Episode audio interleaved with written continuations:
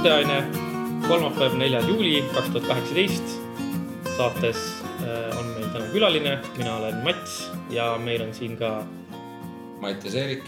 ja siis meie külaline. ja olen Siim. tere, Siim. Siimuga me räägime saate teises pooles sellest, kuidas käiakse kiirabis, kuidas töötatakse kiirabis, räägime, räägime natukene jalgpallist. aga Jörgenit meil täna ei ole, tema on puhkusel kõigepealt eh, tahaks rääkida meie avastustest ja what the fuck idest. minul on neid kaks. mul on isegi niimoodi, et mul on üks, nad on mõlemad natukene, nagu kuidas öelda, nad on mõlemad natukene ühte. mõlemad nagu avastused, mõlemad nagu natuke what the fuck.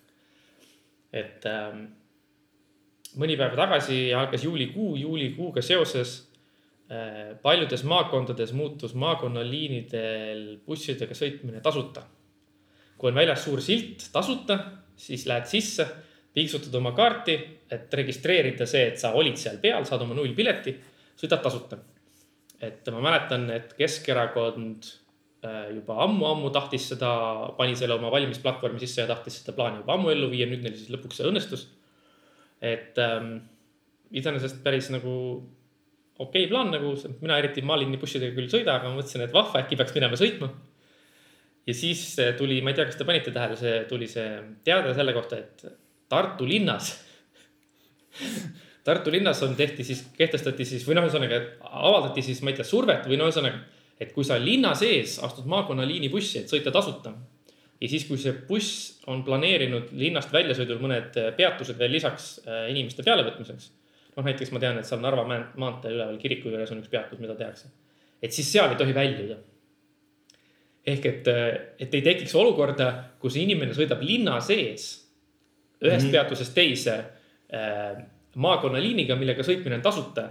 aga ta saaks nagu linnasisest transporti tasuta, sest et see linnasisene transport Tartus ei ole ette nähtud, et on tasuta. see oli kunagi Tartusse tuli esimene Prisma, siis on Prisma Ekspress, sihuke buss, mis viib tasuta kesklinnast, umbes nagu Lõunakeskuse Ekspress, mis viib kesklinnast siis Lõunakeskusesse tagasi. ja noh, paljud inimesed kasutavad seda lihtsalt selleks, et Fiisse saada, et sealt koju minna, kui mm -hmm. on korterisse. et noh, see on hea ühistransport, tasuta ühistransport, eks Just. ole. ja, ja siis see esimene Prisma pood oli ka natukene sai nagu seda valgust, et aga need buss, mis toodi, oli maru väikene mm, -hmm. sihuke väikene kaubik. see on väike buss jah ja kui Annelinna tuli Prisma, siis seda ei tulnud sinna ja siis kõik küsisid, et miks siia ei tule. ja siis oli nagu kindel mats, et seal on nagu sul korter korteri seljas ja sinna Annelinna ma seda Ekspressi ei too. sest tollel ajal ma elasin seal, siis ma mäletan, et ma küsisin. tahaks sealt osta bussi.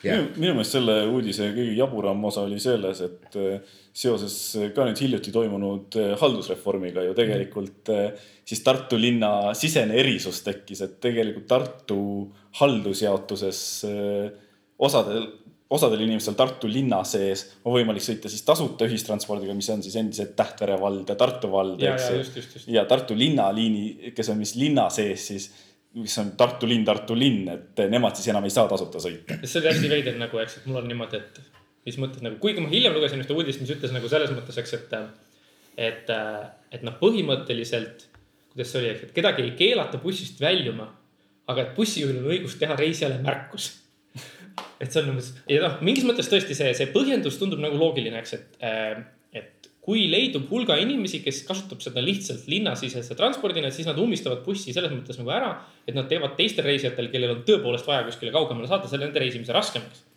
ja noh, paberil ma kujutan ette, et see justkui nagu on loogiline, aga no kui palju neid inimesi tegelikult on, kes just nimme ootavad seda ühte linnaliini bussi või seda ühte maakonnaliini bussi, et saaks nüüd sõita selle, sinna sellesse väga spetsiifilisse peatusesse tasuta.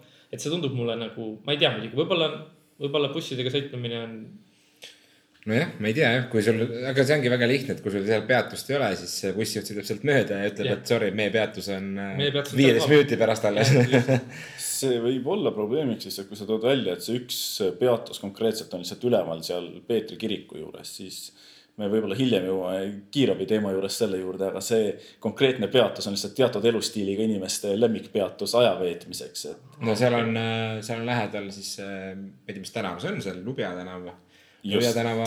aa ja, ja Lubja tänaval on see maja jah ja.. noh, ühesõnaga sotsmaja, mis ühesõnaga see oleks nagu tasuta liin avaturu ja sotsmaja vahel ja ilmselt Aa. ka see võib tekitada tegelikult päris palju probleeme. okei okay,, see on, see on, see on palju usutavam seletus, aga noh, see on miski, mida nad ei saa kõva häälega välja öelda. seda ei saa ju paberile niimoodi kirjutada, aga samas inimesed, kes tahavad Peetri kiriku eest äh, sõita linnast välja, peavad minema kesklinna selleks, et sõita linnast välja. igaks juhuks, jah, jah, nii aga no see oli siukene nagu rohkem nagu what the fuck, kuigi samas oli see nagu natuke siukene, et ahaa, vaata, kus äh, inimestel nupp nokib, et kohe hakatakse vaatama, et eestlane ei skeemitaks, onju. Ja teine huvitav asi tuleb siis nagu äh,, tuleb, äh, mis on ka nagu siukene vahva avastus, aga samas see on ka tõesti nagu what the fuck mitmel, mitmes plaanis. et tuleb nagu natuke nagu teadusmaailmast. et äh, kui sa töötad ülikoolis teadustöökohal, siis äh, sinu tööülesandeks on teha teadust ja teadust tehakse niimoodi, et see kuskil hiljem mõnes ajakirjas või raamatus tuleb avaldada, tuleb publitseerida.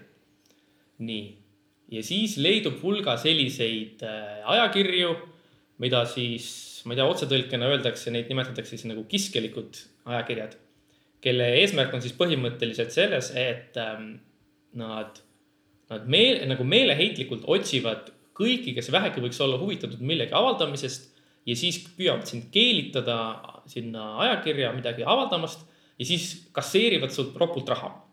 ja see mudel töötab sellel põhimõttel, eks, et kui sa oled keegi inimene, kes, kellel väga on vaja publikatsiooni, et näidata, et sa ikka arened ja teed midagi asjalikku äh, või midagi sellist, on või sul on vaja, CV-d kuidagi pikemaks teha, siis sa saad sisuliselt maksta selleks, et su äh, artikkel saaks avaldatud ja nemad saavad kasumit, sest et nemad võtavad sult teenustasu, on ju, et see on niisugune justkui nagu kõik võidavad aga noh, muidugi see on halb, sellepärast et äh, seal on noh, mitmed niisugused miinused, eelkõige siis see, eks, et see nagu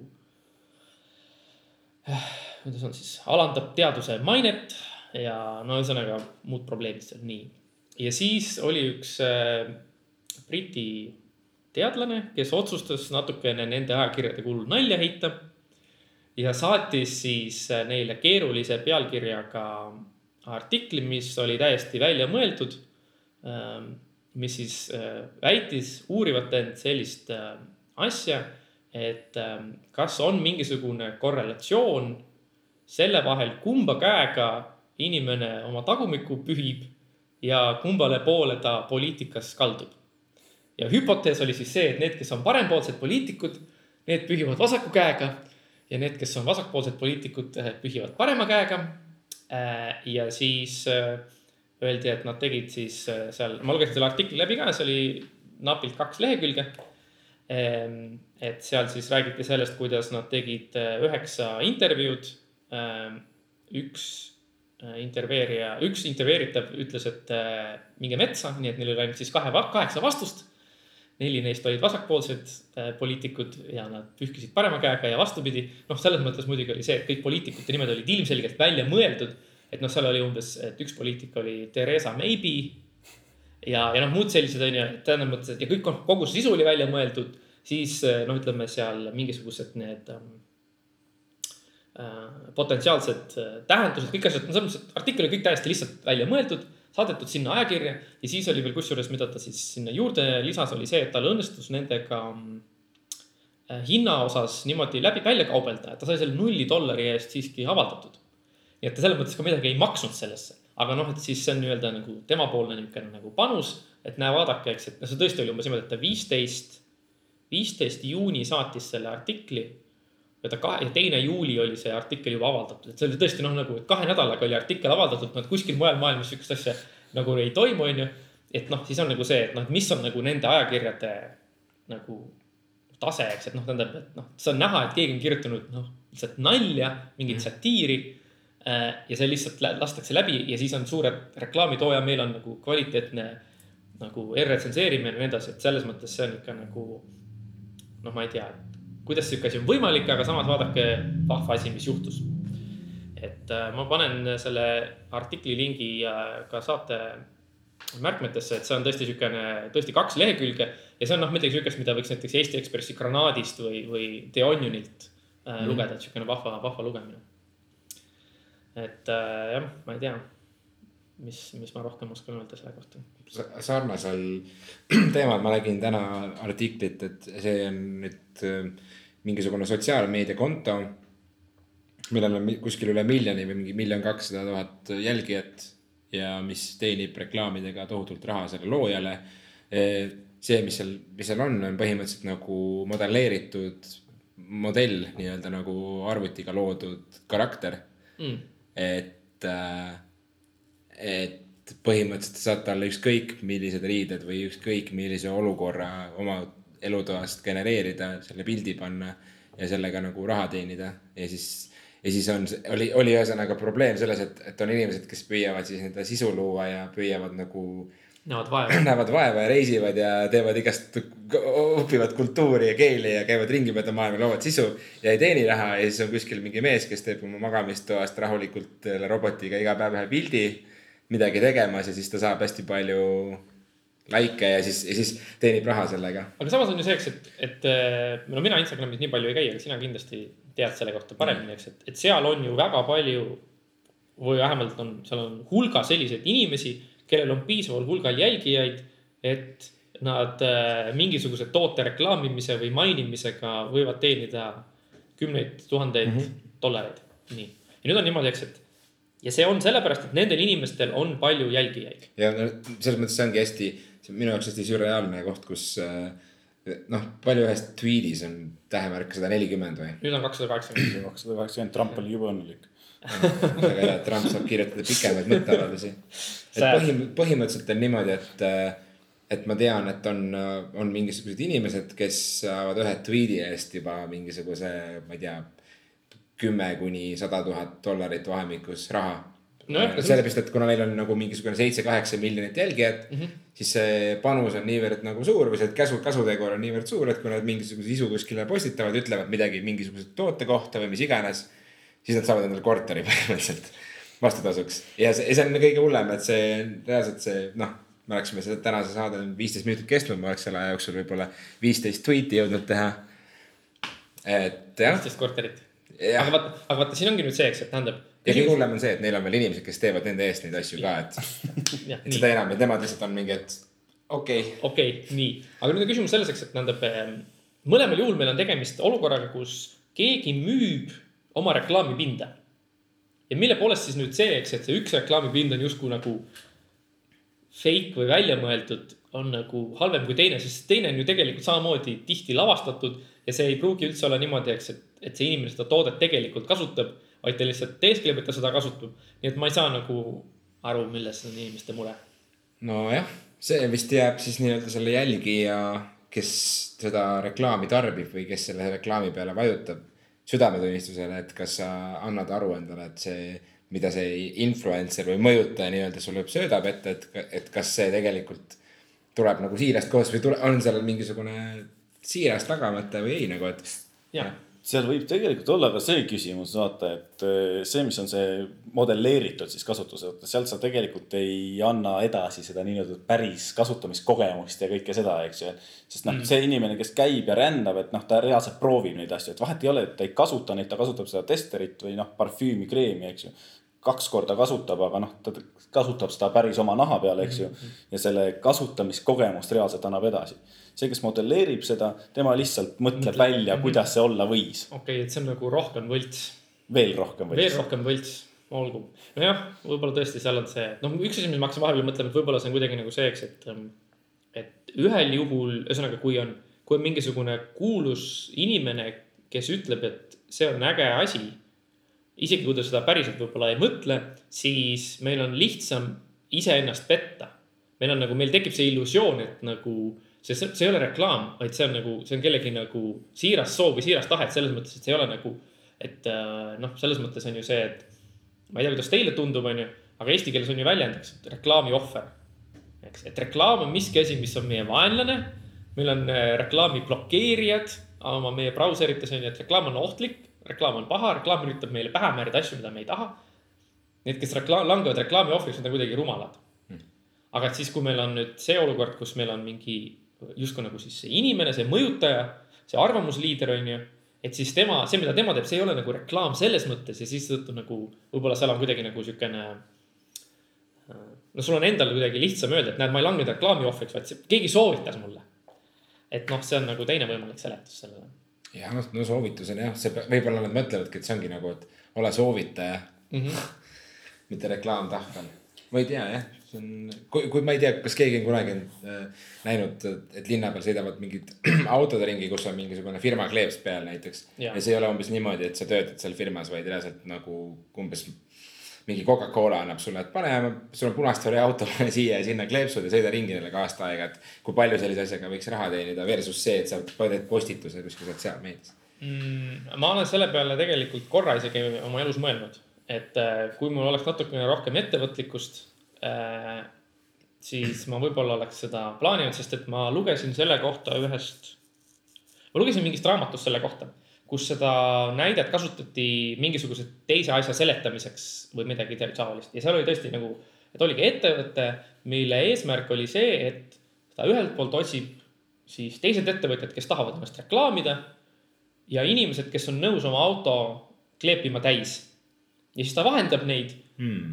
ja siis vastavalt noh tingimustele, eks, et mitu kilomeetrit ta päevas sõidab ja ütleme, millise, kui vägeva autoga ja millistes piirkondades on ju et siis lihtsalt panna need õiged inimesed kokku.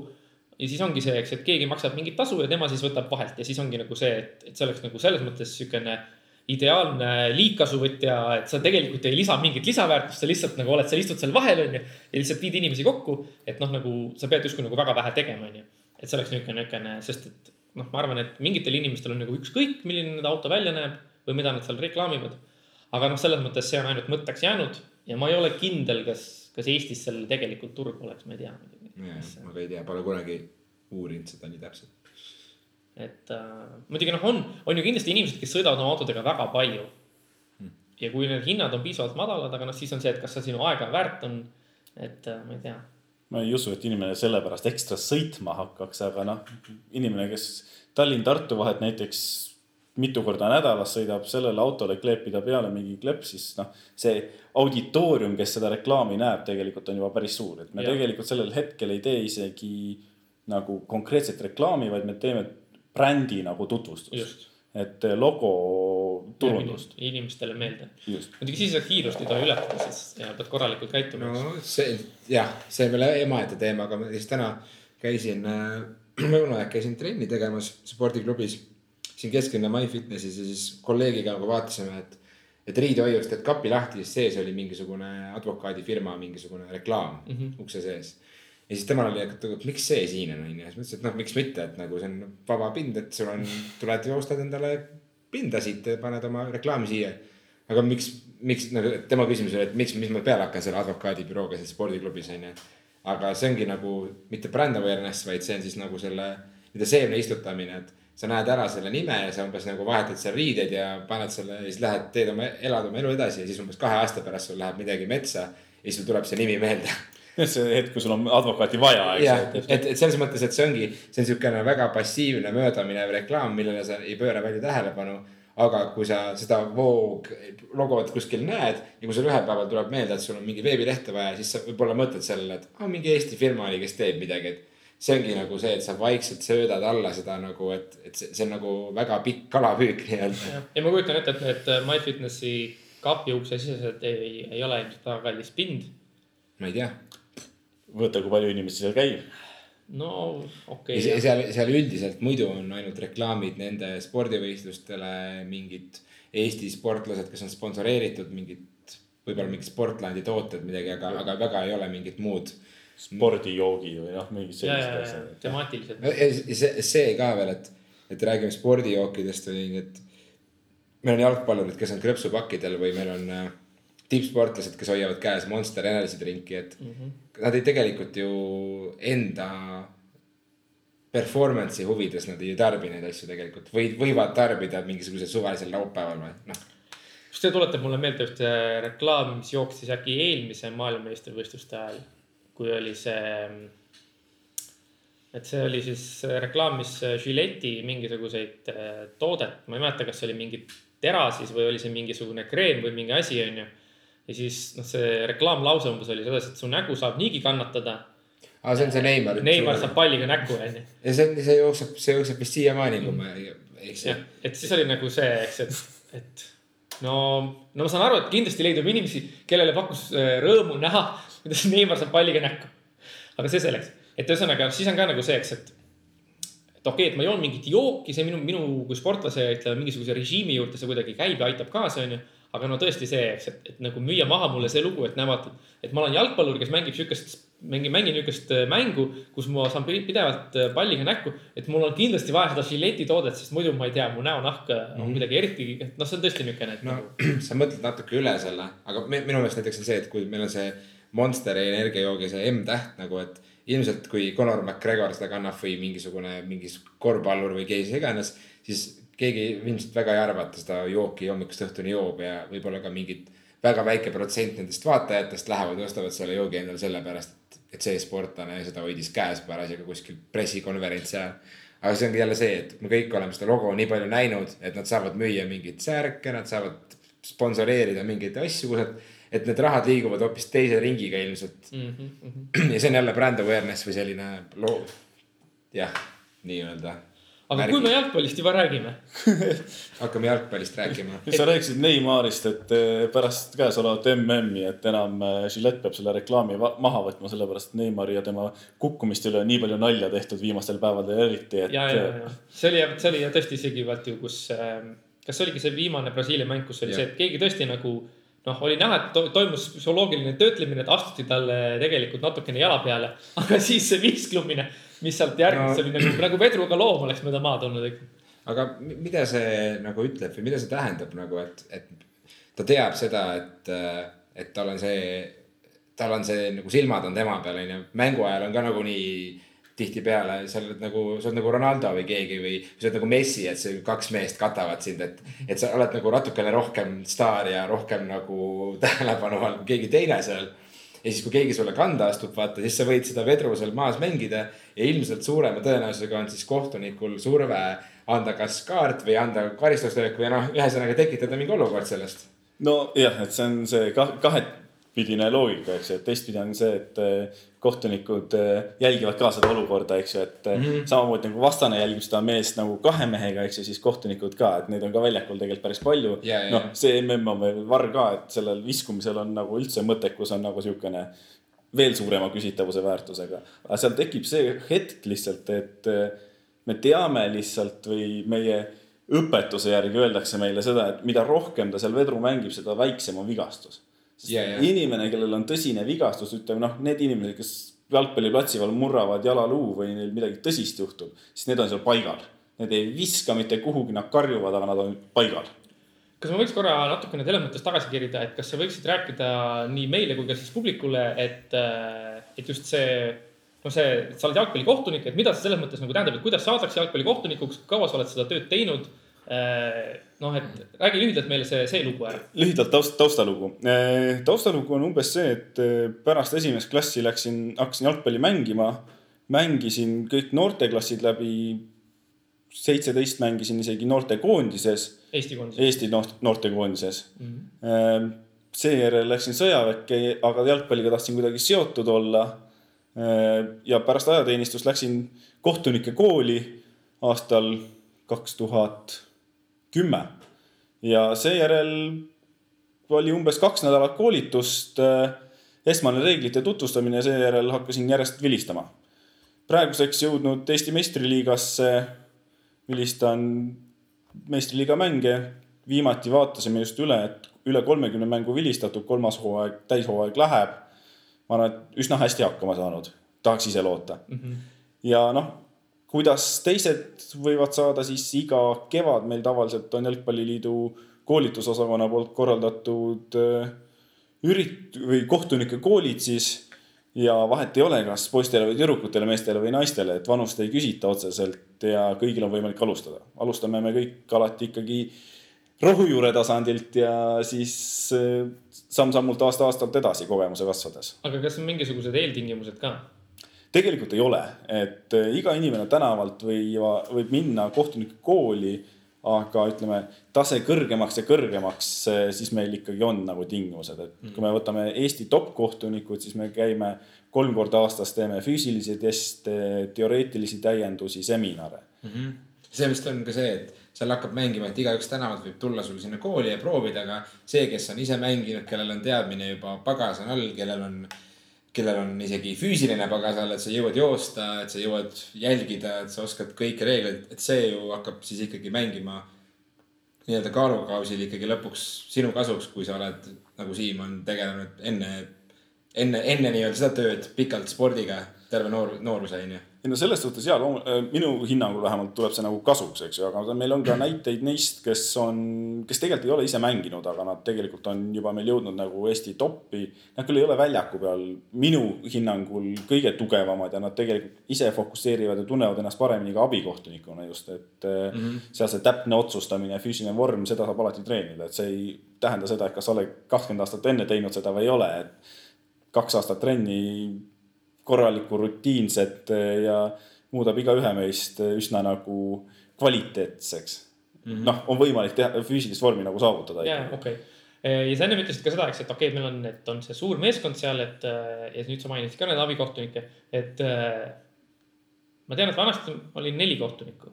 kas, kas praegu on ka neli või on neid rohkem, kuidas see on? no praegu klassikalisel mängul on neli kohtunikku. kõige traditsiooniline Eesti meistriliigas igal enamus mängudel on neli kohtunikku, on peakohtunik siis, kes vilistab, kes on see tähelepanu keskpunktis, jookseb platsil ringi, vehib kaartidega.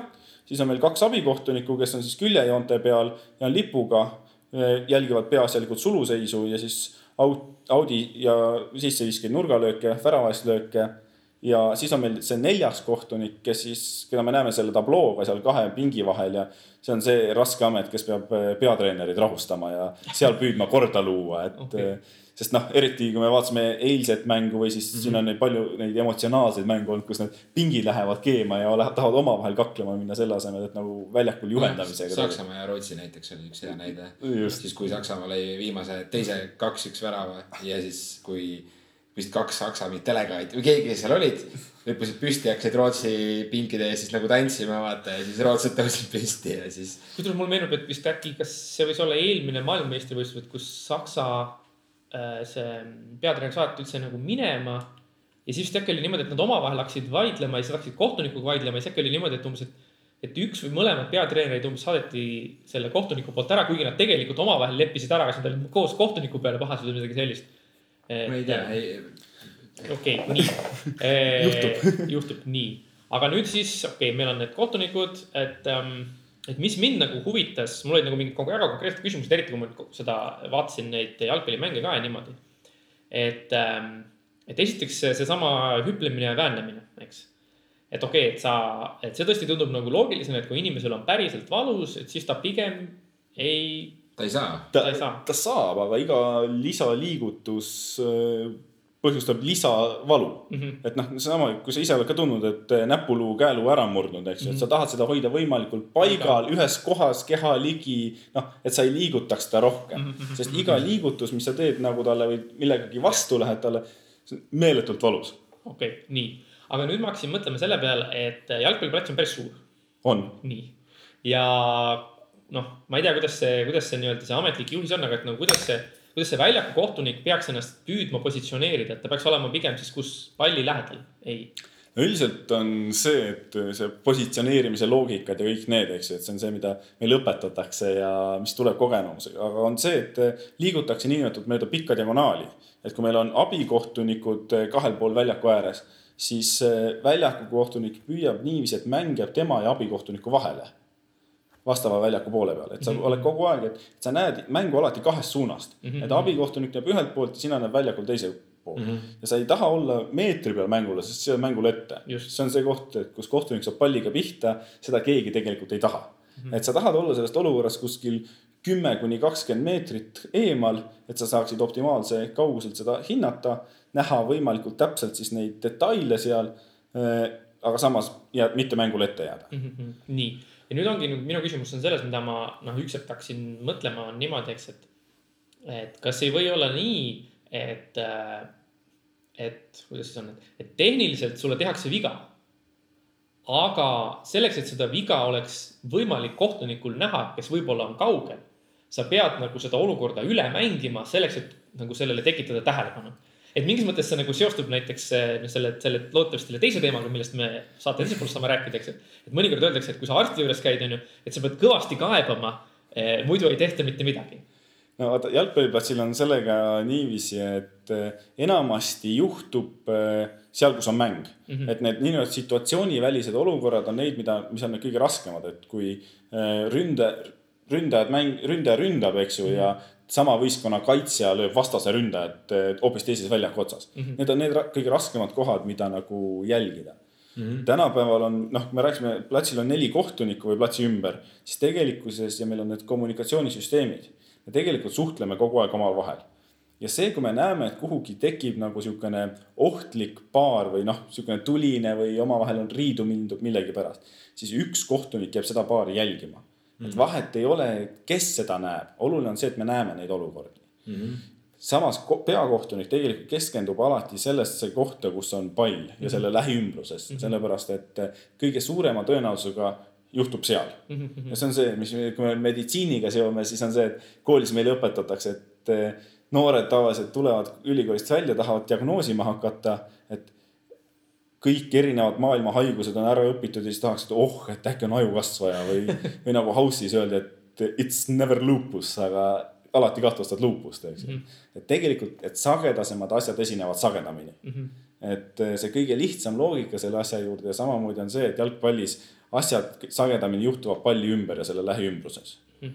Okay. aga, aga selles mõttes ikkagi noh, ütleme, et, et äh, noh, ma täpselt ei tea, on ju, kuidas, ma tegelikult nüüd kõiki neid tehnilisi reegleid äh, selles mõttes ei tea, et mis, mis läheb arvesse, kui viga on ju. aga ma kujutan ette seda, eks, et, et kui äh, ma ei tea, et keegi võtab sul ikkagi nagu kätega ümbert kinni, et sind takistada, on ju. et siis see on viga, on ju. see on viga. nii, aga nüüd on sedaseks, et äh, ma võtan kätega vastasmängijalt ümbert kinni, aga noh, ma Äh, ma ei, ma ei võta nii tugevalt, et ma teda kuidagi tõmbaksin või mm -hmm. nagu tegelikult lükkaksin. Aga see läheks ikkagi arvesse ju kui, kui viga selles mõttes, et või, või siis ei lähe. sel hetkel, kui vastane seisab, siis ei ole viga okay.. sellepärast siis sa kallistad teda lihtsalt okay.. et äh, sel hetkel, kui sinul see ümbert kinni hoidmine tegelikult hakkab segama tema liikumist mm. -hmm. ja eriti sel hetkel, kui see on, ütleme, võitlus palli peale mm -hmm. või palli pärast või positsiooni pärast, siis see läheb arvesse veana nüüd antud MM-il me oleme näinud hästi palju, oli sellest juttu Inglismaa teises mängus Tuneesiaga, esimeses mängus. seal, kus oli Harry Keeni vastu, no selgelt räpi võttega võeti sealt maha, et miks videokohtunik ei sekkunud, et penalti anda sealt mm, -hmm. et mhm. et kas need on, et me näeme hästi palju neid hoidmisi just nurgalöökide ja standardolukordade ajal. ja, ja sealt vaja seal. jah, et, mhm. et siis meil tekib see, et milline hoidmine ja kui tugev hoidmine on viga et eh, tegelikult jalgpallis on see hästi palju on sellist tõlgendamisruumi.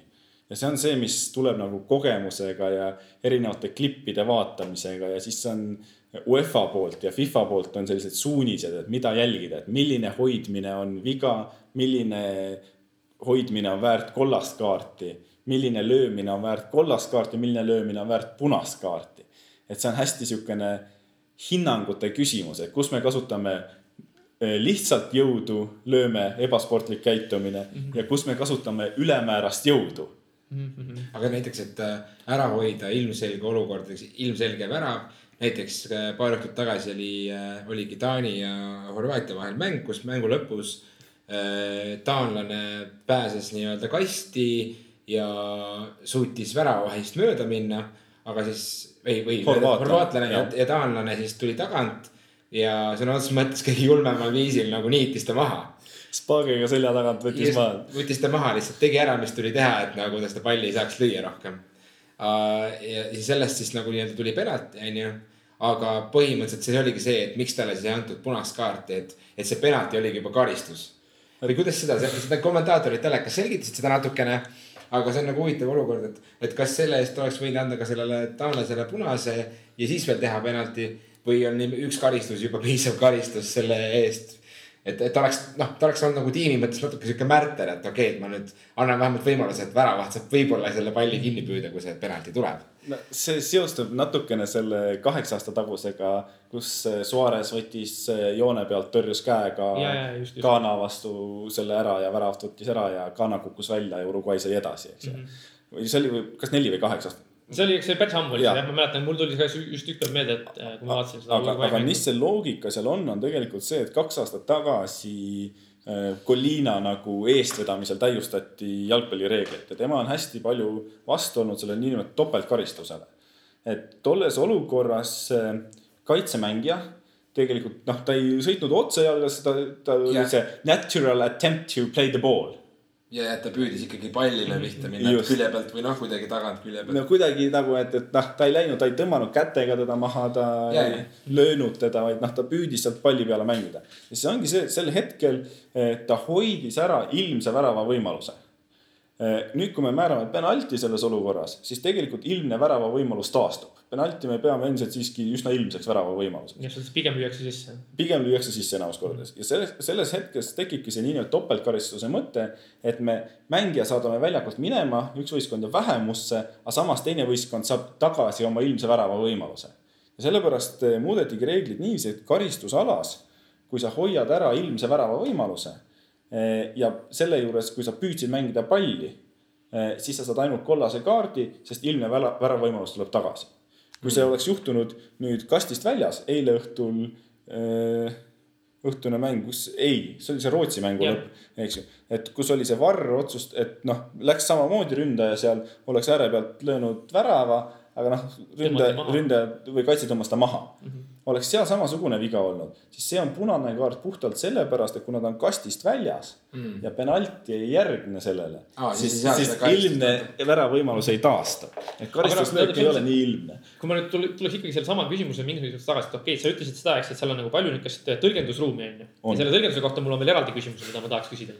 aga nagu, kas ei võiks olla nagu see, et inimene siis, mängija, kes tunneb, et on tehtud viga ja nagu mängib üle mm. -hmm. selle ja tema eesmärk on mingis mõttes see, et nagu kas siis emotsionaalselt veenda kohtunikku tõlgendama ühel viisil või siis ongi, et nagu tõmmata rohkem tähelepanu äh,. et selles mõttes, et noh, nagu, et see on, et mingis mõttes me võime öelda, et näed, et see on nagu kuidagi nagu vale või niisugune ebaaus petmine, aga teisest küljest on nagu see, eks, et, et kui tõepoolest tegelikult oli viga, aga et selleks, et olla kindel, et see on nagu kuidagi nagu, et noh, nagu advokaadid ka ju kohtus nagu tahavad oma klienti kaitsta nagu kõige nagu innukamalt, eks et selles mõttes, et ei piisa sellest, et ta esitab need faktid ja argumendid, ta peab nagu innukalt seda tegema. et kas ei võiks öelda seda, et öelda, et nagu inimene, kes, mängija, kes nagu natukene mängib üle, kes teeskleb natukene, teeb seda nagu sellepärast, et ta tõeliselt usub, et talle tehti viga ja ta peab kohtunikku selles veenma no enamasti, see on see kahe otsaga asi, et jalgpallis kehtib eh, see, inglise keeles on selle väljendi nimi diving, Eestis me nimetame simuleerimiseks.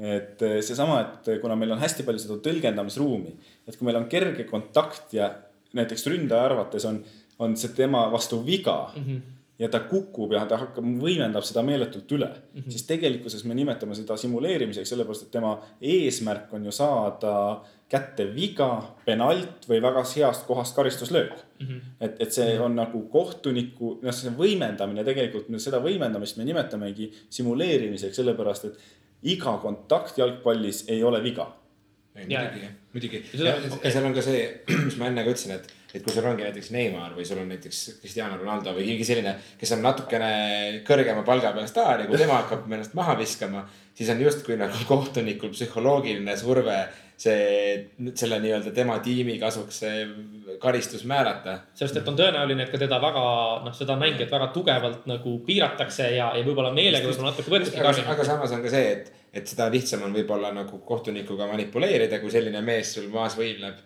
Ja, ja, ja, ja noh, alati me nagu publiku reaktsioonist näeme ka, et sealt tuleb meeletu vile, vilemüür lihtsalt, kui midagi see staarmängija nagu otsustabki teha et see on nagu kõik näevad seda justkui läbi, et noh, et see, aga samas see ongi nii, see ongi nii, et. aga ma ei tea, võib-olla ma ei, ma ei tea, kuidas, kuidas sul on kogemus olnud, onju, aga mina hakkan mõtlema, eks, et. et eh, kui mina oleks kohtunik, kes on olukorras, kus ma tean, et ta on mingisugune staar. Eh, mis iganes siis valdkonnas on ju, ja siis mul on nagu see, et ma tunnen, et võib-olla ma, mul on, et äkki mul on alateadlik eh, kallutatus tema poole et siis ma võiks kuidagi nagu üle kompenseerida ja just nimme veel karmimalt tema vastu hakata vilistama. see oht on alati olemas ja mm -hmm. see ongi see, et eh, meil on hästi-hästi raske seda nagu objektiivselt platsi peal hinnata mm. -hmm. sest noh, me näeme, et siin tihtipeale ongi see, et viga on, eks ju viimane Argentiina-Prantsusmaa mäng, noh, Suarezele lennatakse põlvega selga, küünarnukiga siia ülaselga. viga on, samas Suarez viskab pikali, hakkab peast kinni, kinni hoidma. no mängib üle. ja, oli küll, seda olukorda ma mäletan hästi. tegelikkuses ongi see, et kohtunik ei vilistanud, seda võikski nimetada ülekompenseerimiseks mm. -hmm. sellepärast, et noh, kui ta lendab seal küünarnukiga selga, see on viga, lihtne ohutuskohas võta ära, keegi ei küsi rohkem mitte midagi, eks ju. see, et Suarez mängib seal räigelt üle, siis noh, Eestis me vahepeal kasutame seda, et eh, mine juurde ütle, et eh, kui sa seda ei lõpeta, siis need on näitlemise eest või simuleerimise eest on see eraldi rikkumine, et see on nagu karistatav mm. -hmm. et mm -hmm. eelmine aasta David Elleri meile koolitusel ütles, et isegi siis, kui on väike viga kastis ja ründaja seda räigelt üle võimendab, siis pigem anda see simuleerimise eest kollane kaart kui penalt sellepärast et vähendada simuleerimist jalgpalliplatsil nojah, see on, tundub loogiline, eks, et tõesti jah, et sest, et sa tahad, et nagu ka teised mängijad edaspidi näeksid, et ei ole mõtet seda nagu mm -hmm. noh, mõnikord öeldakse, et ei ole mõtet nagu kalastama minna, et äkki näkkab, eks. et põrem on nagu sedasi. nii äh,, kusjuures, mis puudutab seda, seda kohtunike võimalikku mõjutatust, et ma kuulasin ühte podcast'i, kus siis olid erinevad äh, majandusteadlased püüdsid siis nagu, kellel oli nagu noh, isiklikus elus huvi jalgpalli vastu ja kes siis noh, tegid erinevaid eh, niisuguseid nagu majandusteadusega seotud äh, nagu uuringuid, on ju. ja siis üks asi, mida nad siis äh, seal üks inimene uuris, oli siis, oligi see, see koduvälja eelis. et no me, me kõik teame, et on olemas sihuke asi nagu koduvälja eelis. Ja siis majandusteadlased tahtsid, okei okay,, aga me tahame näha numbreid, me tahame proovida. ja, ja siis, mis nad nagu, nad eeldasid, eks, et äkki on asi fännides et on, tribüünid on täis sinu toetajaid ja siis, et nagu nende kaasaelamine võimendab mänguvõimekust või et nende kaasaelamine võimendab, mõjutab seda kohtunikku. Äh, ja siis nad kogusid hulga andmeid selle kohta ja siis nagu, et paistis, et on mingi koduvälja eelis, aga nad ei saanud päris täpselt aru, et mis seda põhjustab. Ja juhtumisi oli niimoodi, et mõni aasta, mõni aeg tagasi Itaalias oli niimoodi, et, et kuskil fännid käitusid eriti halvasti ja oli mingi seeria mänge, kus äh, ei olnud üldse pealtvaatajaid lubatud vist või midagi sellist. Milano Inter mängis tühjade tribüünidega. just. ja, aga ka seal oli siiski need, need majandusteadlased nägid, et on see, see mõjutatus on nagu olemas ja siis nad said aru, et tõepoolest, eks, et see, et nagu kohtunik on alateadlikult kallutatud vilistama kodumeeskonna kasuks, sõltumata sellest, kas need fännid seal on või mitte, et ta kuidagi nagu tunneb seda, seda nagu kodu, et ta iseenesest tunneb seda koduväljaku eelist ja siis ta kuidagi nagu vaikselt Äh, hakkab seda, noh, see on tõesti imepisik, on ju. Äh, aga, aga see on seal olemas. aga siis tekibki see küsimus, et millest nad järeldasid, et äh, kohtuniku otsused kaldusid, et e ma ei, tõesti, ma enam seda ei mäleta, et ma pean, peab selle üles vaatama, et, kuidas nad selle, selle järelduseni jõudsid ah,. see vist oli seotud sellega, eks, et tähendab, kui palju määrati seda, seda üleaega või seda lisaaega sinna lõppu. et siis oli nagu põhimõtteliselt sedasi, eks, et, et noh, kui kodumeeskond oli ees siis seda määrati pigem vähe ja kui kodumeeskond oli taga, siis seda määrati pigem rohkem. et see oli, ütleme see asi, milleni sa nagu jõudsid, et siis oligi nagu see, et nagu anda võimalust järele tulla või siis nagu kahandada võimalust vastasmeeskonnal järele tulla. olenemata sellest, mis poole jooksul juhtunud oli, eks ju? Äh, no ilmselt küll jah. Äh, äh, jah, et see, see, see alati tekib see küsimus, et mis on vahepeal juhtunud, et siin just pärast alagrupi mäng oli siin MM-il ka ju tegelikult kohtunike meediabriifing, et, et mis on juhtunud, kuidas on varri kasutatud, kuidas on otsused läinud, eks ju. ja, ja vastavalt sellele, et seal toodi tegelikult välja just seesama üleaeg, et kui sa tõid, et, et me sellel MM-il oleme näinud, et hästi palju on üleaega et tavaliselt on Inglismaal seda, kus on kuus ja seitse minutit antud üleaega oh,. Wow, nii palju lausa. noh, siin MM-il, me muidu oleme harjunud, et kolm minutit. noh, viis ja siis on veel seitse. noh, et see on, see on tihti selle tõttu, et et sul ongi, keegi viskab ennast pikali, siis uuritakse, võib-olla vaadatakse mingit kaamerast, vaadatakse järgi, kuidas see täpselt erineva nurga alt, kuidas see kõik juhtus, eks ole. Aga kuidas sina seda, Siim, arvestad, selles mõttes, kas sul on, kas sul on mingisugune kalkulaator, mis peas mängu nagu poole jooksul kogu aeg käib? Äh, tegelikkuses on see, et äh, selleks on neljas kohtunik. neljandal kohtunikul on taskus paber mm -hmm. ja pliiats ja siis tegelikult on iga vahetuse pealt, paneb kesk, keskeltläbi kolmkümmend sekundit juurde mm. -hmm. ehk siis on, seda on hästi lihtne arvutada, noh ja siis on igasugused vigastuspausid ja need lähevad tegelikult täpselt kella pealt vaata, kui palju aega kulub. Ja ümardatakse alati üles mm. -hmm, okay. ehk siis, kui on vähem, kaks minti ja viisteist sekundit, siis sa annad alati kolm minti juurde okay.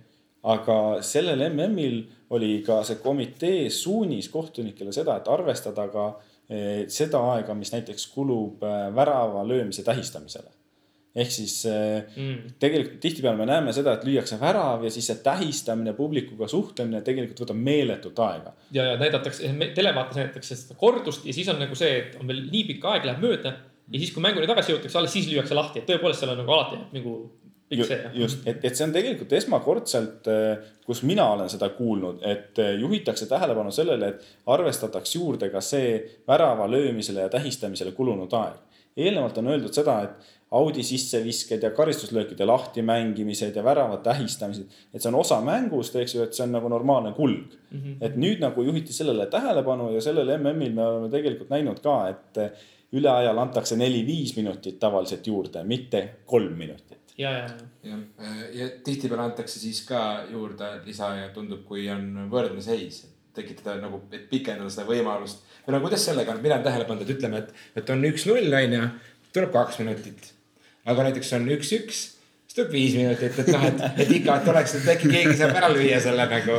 noh, võib-olla see on täiesti vale tähelepanek, aga mulle tundub, et see on niimoodi. ma, ma, ma tahaks uskuda, et see on rohkem sinu tundumuslik äh, juhus, sellepärast et noh, võib-olla me oleme, ma ise omast kogemusest eriti on see, et kui vahe on suur mm, -hmm. et noh, ütleme tõesti neli-null või nii edasi, et, et, et siis nagu ei ole mõtet seda aega juurde panna, ütleme eriti karikavõistlustel yeah.. aga samas liigas, kus on oluline väravate vahe, siis me ikkagi peame nüüd selle aja juurde panema, sellepärast et hooaja lõpus ükskõik kummal võistkonnal võib see väravate, väravate vahe just mängima hakata. noh, punktid saab kolm punkti, null punkti, pole vahet, eks ju. aga väravate vahe. aga väravate vahe okay., sest noh, sellel MM-il me nägime ka ju, et tegelikult eh, Jaapan-Senegal, eks ju Mm. et eh, väravate vahe isegi oli võrdne, äkki mõnes mängus oleks keegi löönud, noh võitnud suuremalt, kaotanud eh, rohkem eks ju, et oleks kohe olnud saanud teine sats edasi, sest praegu läks ju fair play äh, sellega. see on tõesti väga huvitav, et ma ei olnud seda vahest sihukest asja varem kunagi näinud, eks, et, et olid. punktid olid võrdsed, väravate vahed olid võrdsed, omavaheline mäng oli võrdne, löödud väravate koguhulk oli võrdne. ja siis järgmisena tuligi see, et kes on vähem kaarte saanud. kõige lõpuks tuli jah, see nii-öelda fair play koefitsient, et äh, seal oli Jaapan saanud kaks kollast kaarti turniiri peale vähem kui Senegal ja said nemad edasi. see ongi see, et jah, et need hakkavad mängima teisel tasemel. ühesõnaga siis kohtunikud olid need, kes aitasid äh, mingis mõttes võib öelda, et aitasid Jaapani edasi või? noh, seda on raske, pigem, pigem ei, pigem äh, Jaapani sihukene loomulik natuur viisakusele ja sellele, sest noh, võtame selle viimase mängu Belgiagagi, et noh, mängisid vägeva mängu mina olin see õnnetu, kes läks teisele poole ja mõtles, vaatas, et esimene pool oli jube mõttetu, läks teisele poole, mõtles, hea küll, ma käin, teen õhtuse trenni ära, käin jooksmas, tulen tagasi, vaatan, seis on kaks-kaks.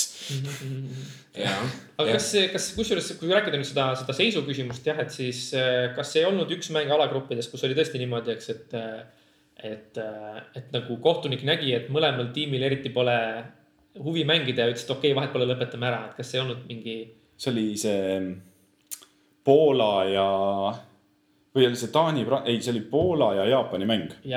sest Poola juhtis ja Jaapan oli edasi ja Poola polnud võimalust edasi saada. ja, ja siis ja. oli nagu mingi see, et ah, vahet pole, lõpetame ära. no kuna mõlemad, see on, äh, meenutas mingi kuue aasta tagust mängu, kus oli äh, e Euroopa meistrivõistlused, kus Taani ja Rootsi mängisid kaks-kaks viiki.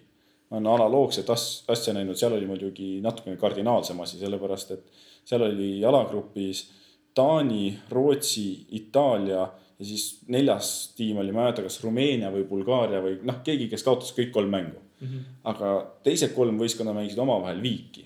seal null-null viiki ja üks-üks viiki. ja siis oli lõpuks oli see, et kui Taani ja Rootsi mängivad viimases mängus omavahel kaks-kaks viiki, siis on Itaalia väljas. ja noh, see oli täiesti nagu absurdne nagu seis, et noh, kui tõenäoline kaks-kaks viiki mängida. ja need väravad, kuidas juhtusid, olid ilgelt ilusad väravad ja siis, kui kaheksakümmend üheksa või üheksakümmend pluss üks minut löödi kaks-kaks kuidagi, siis oli järsku olidki mõlemad võistkonnad oma väljaku poole peal. ja keegi enam mängu ei ole mm -hmm.. tribüünidel olid plakatid, et Nordic Victory ja kõik oli äge.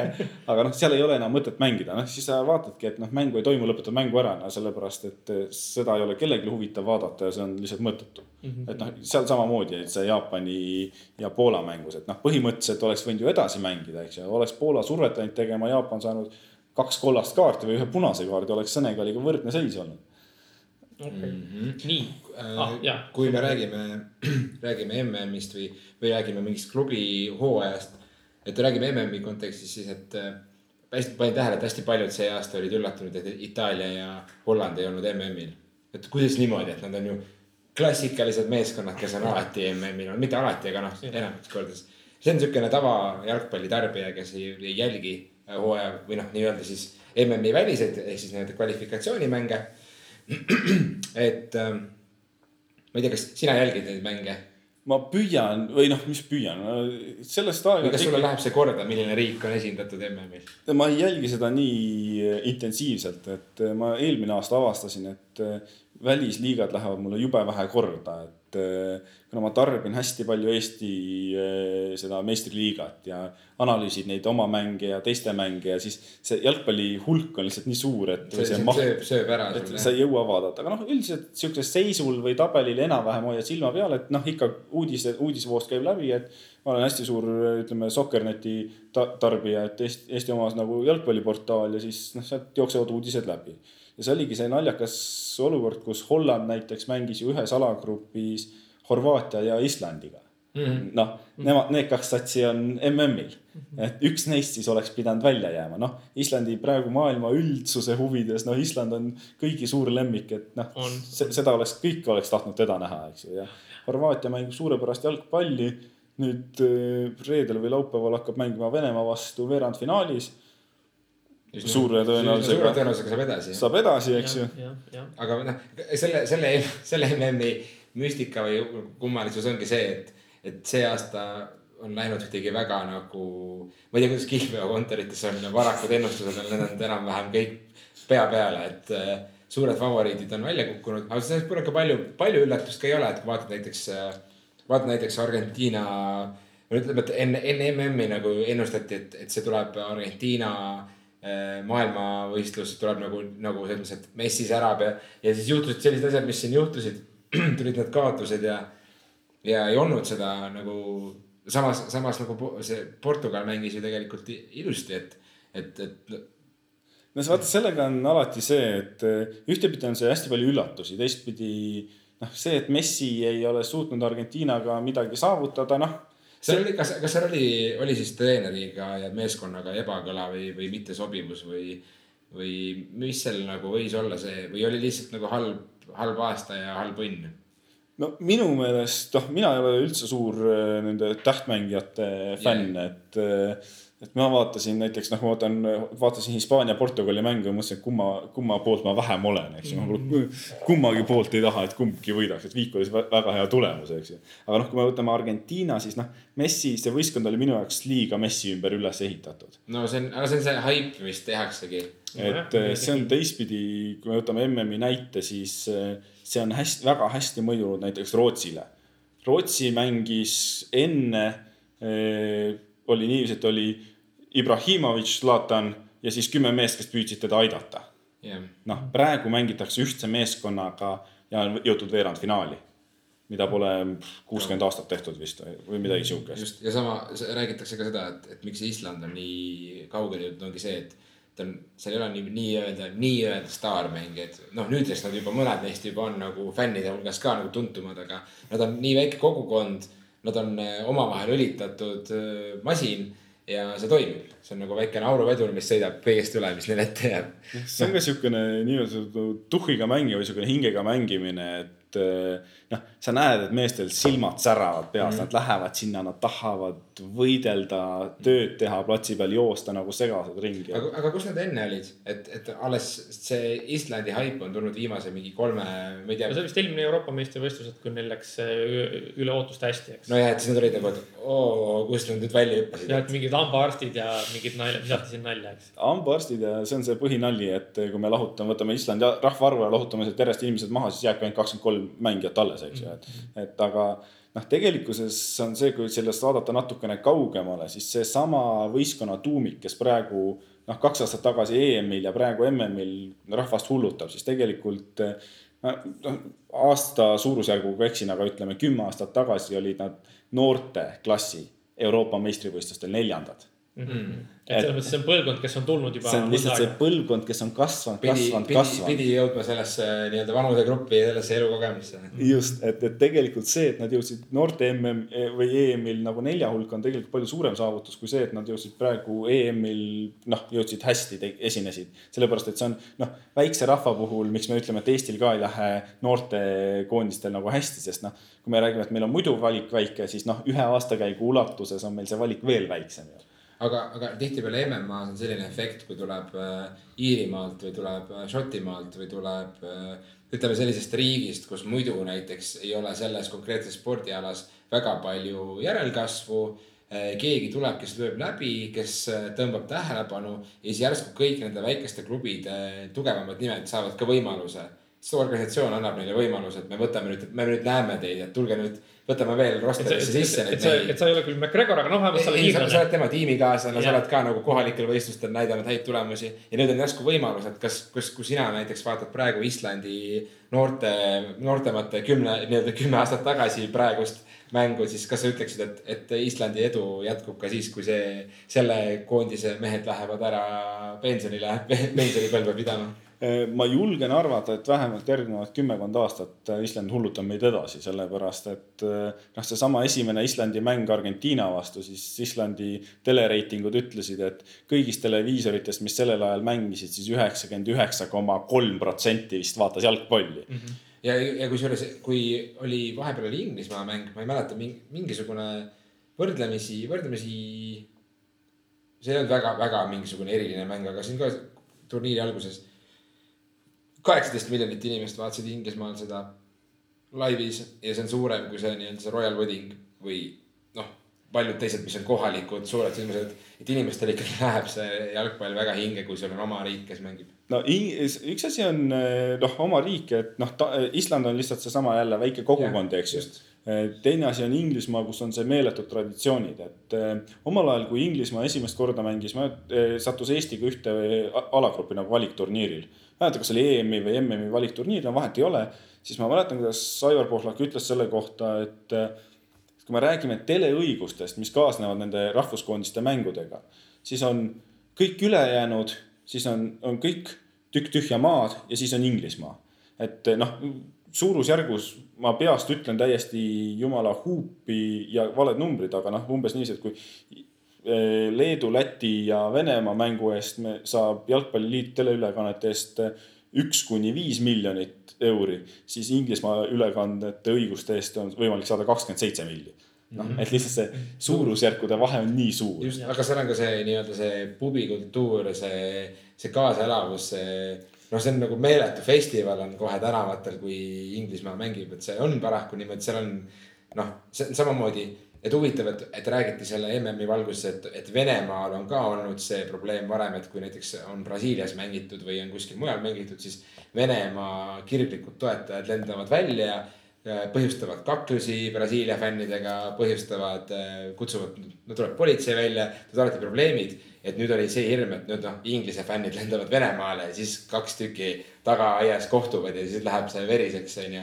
kuidas Aga... selle osas on muidu olnud, et kas see, kas ma pean ütlema, et eh, minu jaoks ja ka siin paljude teiste jaoks, nii palju kui ma kuulnud olen, et siin neid spordi broadcast'e kuulates ka, et eh, see mm on läinud eh, ilma igasuguste suuremate vahejuhtumiteta. et see on ühtepidi täiesti uskumatu ja see korraldus on olnud väga sujuv mm, -hmm. ilma probleemideta, et me kuulsime enne MM-i, kuidas need meeletud altkäemaksud nende staadionite ehitamise ja kõige sellega. aga kõik see, mis on toimunud praegu turniiri ajal on üle ootuste hästi läinud tui, tui, tui. just, et, et keegi pole isegi väljakule midagi visanud. no mingid õhupallid, niisugused lendasid. see on täiesti. et selles mõttes head rakette nagu ei ole. see on täiesti meelots selles suhtes, et noh, ei ole fänne, kes jooksevad väljakule, ei ole rahutusi, ei ole see, et sektor läheb omavahel kaklema või kaks ja, nagu. aga, aga muidugi, kui jälgida, jälgida sektoreid, siis nii-öelda seal all on nagu iga kahe meetri tagant on üks turvamees, kes vaatab ülespoole kogu aeg kuidagi, et ah, see, see, see, on, see on igal pool, igal mängul, sest sel ei ole nagu üldse vahet, see on see hästi kurb amet, et sa oled, sa oled mängul kohal ja. sa ei näe mitte midagi. sa oled nagu, sa oled nagu mingi muusikafestivali turvamees, seal lava pool jookse. aga muusikafestivalil sa kuuled muusikat, onju. aga jalgpallimängu puhul sa ainult kuuled. aga jalgpallimängu, mängul on ikkagi ekraanid ka kuskil või nagu noh. nagu sa pead publikut ei ole. ei ole jah. Eh, nüüd eh, Venemaal on tõesti staadionitel nüüd sellel MM-il on näha, et on nagu, aga üldiselt jalgpallistaadionil ekraane ei ole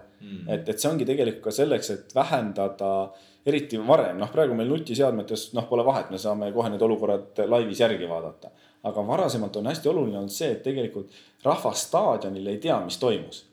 et eh, kui kohtunik ei näinud, eks ju, rahvas tribüünilt ei näinud, siis seal on rahulik ja telekas sa võisid näha, et oh sa jumal hoida, kuidas sa seda ei näinud mm. -hmm. noh, võtame näiteks Maradona käe, eks ju, kuldne jumala käsi, eks ju. noh, et telekast kõik nägid, kõik väljaspoolt staadioni teadsid aga kohapeal staadionil keegi ei teadnud. Mm -hmm.. noh, kes ei näinud otse just. Yeah,. kusjuures, kui nüüd tulla nüüd selle, selle kohtuniku töö juurde tagasi, siis mul on üks asi veel, mis mind väga on alati huvitanud ja ma tahaks teada, et nagu ütleme, et mis on sinu praktika selle osas või mis on see koolitus, mida teile nagu räägitakse või noh, nagu eks, et millal iganes on mingisugune noh, niisugune no peaaegu alati, kui on mingisugune veasituatsioon mm, -hmm. siis on näha seda, kuidas tuleb, tuleb üks ja tuleb teine ja siis tuleb seitse ja siis tuleb poolteist tiimi tullakse, hakatakse kohtunikuga vaidlema, hakatakse rääkima, hakatakse, tehakse nagu hääli, et selles mõttes, et noh, nagu. miks, selles mõttes, et nagu ma saan aru, miks seda tehakse, sest et nagu arvatakse, et kohtunik on otsustanud halvasti või valesti. aga nagu, kas see eales üldse töötab, et sa tuled ja karjud ja räägid või, või äkki on lihtsalt see, et äkki ma arvan et räägitakse seda, võib-olla nad räägivad hoopis mingit muud juttu, et selles mõttes, et mi, nagu, mis seal nagu toimub, kui kui on mingisugune natukene noh, niisugune pingelisem olukord. pingelisem olukord on ju, või mingi kaardisituatsioon, siis tõesti niimoodi, et sa näed, ta tuleb võib-olla eh, kolm mingisugust ühe tiimi meest ja siis tuleb kap-, nagu selle tiimi kapten, kes ütleb ei, et minge tee eemale, mina räägin ise kohtunikuga, et noh, nagu mis seal toimub? jah, see on päris karm. see on kohati on nagu karm, aga see on see hästi palju niinimetatud kohtuniku autoriteeti kehtestamine või see väljakul iseenda kehtestamine, et sa näed millegipärast, et osade kohtunikega seda juhtub rohkem, teistega seda ei juhtu peaaegu üldse mm. -hmm. et üks asi on see, kuidas ma kõiki oma otsuseid nagu maha müün, eks ju. see on niisugune meeletu müügikunst ühtepidi, aga teistpidi on selle otsuse täpsus, eks ju, et kui sa tead, et see on konkreetne viga, siis noh, neid tullakse hästi äh, vähem vaidlema kui me võtame eilse mängu, need õhtuse Inglismaa mängu, kahju, et sa ei näinud küll, seal oli hästi palju sihukest vaidlemist ja mm -hmm. kohtuniku see, siis äh, loed seda rahvusvahelist kohtunike mingi blogi, samal ajal kõik ütlevad, et issand, kui kohutavalt kehva mäng tema poolt, et tal puudub enesekehtestamine selles mängus täielikult mm. -hmm. siis tegelikult selles mäng, selles olukorras, kus need mängijad sinna lendavad, siis nad tulevadki nõudma õigust, et kuidas sa niiviisi vilistad, kuidas ainult ühele poole vilistad. noh, siuksed klassikalised nagu, et eh, kuidas sa üldse ei näe neid asju ja teis, teised võistkonna omad tulevad nõudma, et kuidas sa ei näinud, seda oli, viga oli palju hullem, et miks sa talle kaarti ei anna ja sellist mm -hmm. asja. et tegelikkuses see ongi see, et eh, meid õpetatakse, et ära lase neid enda juurde üldse tulla mm. -hmm ja see on see, et kui tuleb niisugune massikogunemine või kui on niisugune rüselemine, siis, siis on see, et äh, reeglite järgi peaks saama noh, nagu kõige aktiivsemad olukorras peaksid saama kollased kaardid kohe. rahulolematuse näitamise eest sõnas või teos on see põhjendus nagu protokollis okay.. et, et tegelikult nende massi nagu kogunemised ei ole okei okay. ja see vaidlemine et eh, kui sa ei suuda neid muud moodi lahendada, siis öeldakse, et kui sa noh, mingi hetk sa kontrolli nagu ühtepidi nagu kontrolli mängule kaotanud. Eh, et eh, kuidas sa selle lahendad, et lase kaartidel siis enda eest rääkida, kui sa ise ei suuda mm. -hmm.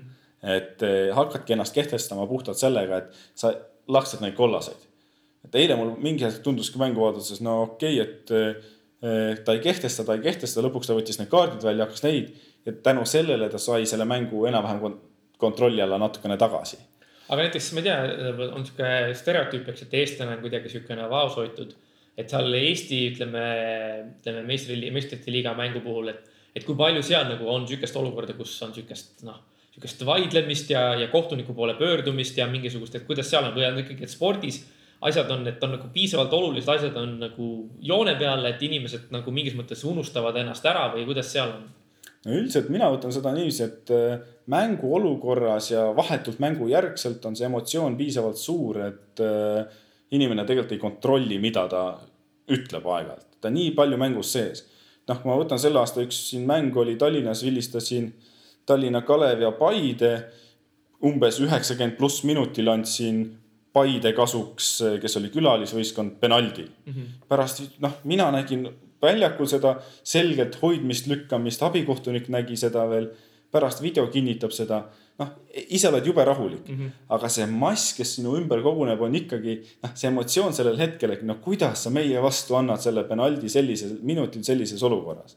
et ja siis sa saad selle, sind valatakse tegelikult päris, kohati päris räige selle rahaga üle. Ja siis mingi hetk on see, et sa osa sellest pead nagu endast nagu mööda laskma, et noh, okei okay,, emotsioon, mis iganes.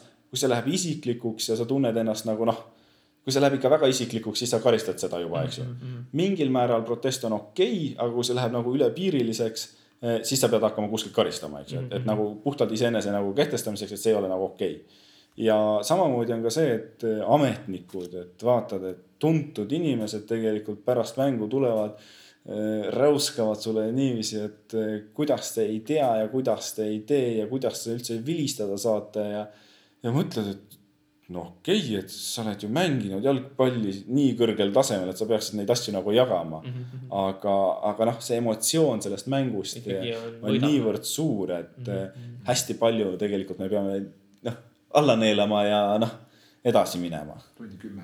ahah, nii et äh, ma, mul on tegelikult mul on selle jalgpalli kohta oleks veel asju, mida küsida. me võime rääkida jalgpallist edasi, kui Siim on nõus teist korda tulema saadet tegema sest et nagu ma võiks öelda, et nagu see nagu huvi mul on nagu selles, eks, et, et see äh, et see, see kohtunikuks olemise, ma saan aru, et ongi vaata see, et see, mis teeb kohtunikuks olemise ühelt poolt nagu põnevaks, aga samas teisest küljest ka nagu raskeks, ongi ju see, eks, et see ei ole mehaaniline reeglite rakendamine, vaid seal on see tõlgenduselement on sees, on ju. Ja, ja ma noh, hiljuti hakkasin õigusteadust õppima, et seal on ju ka selles mõttes õigusteaduses on samamoodi see kohtunikuks, kohtuniku roll, see kohtuniku mõjutamine. et olgugi, et seal on nagu võib-olla eh, on natukene kaalutum see asi, et sa ei pea seda otsust langetama sekunditega tavaliselt, eks. et, et selles mõttes see, see oleks huvitav asi, millest, millest rääkida.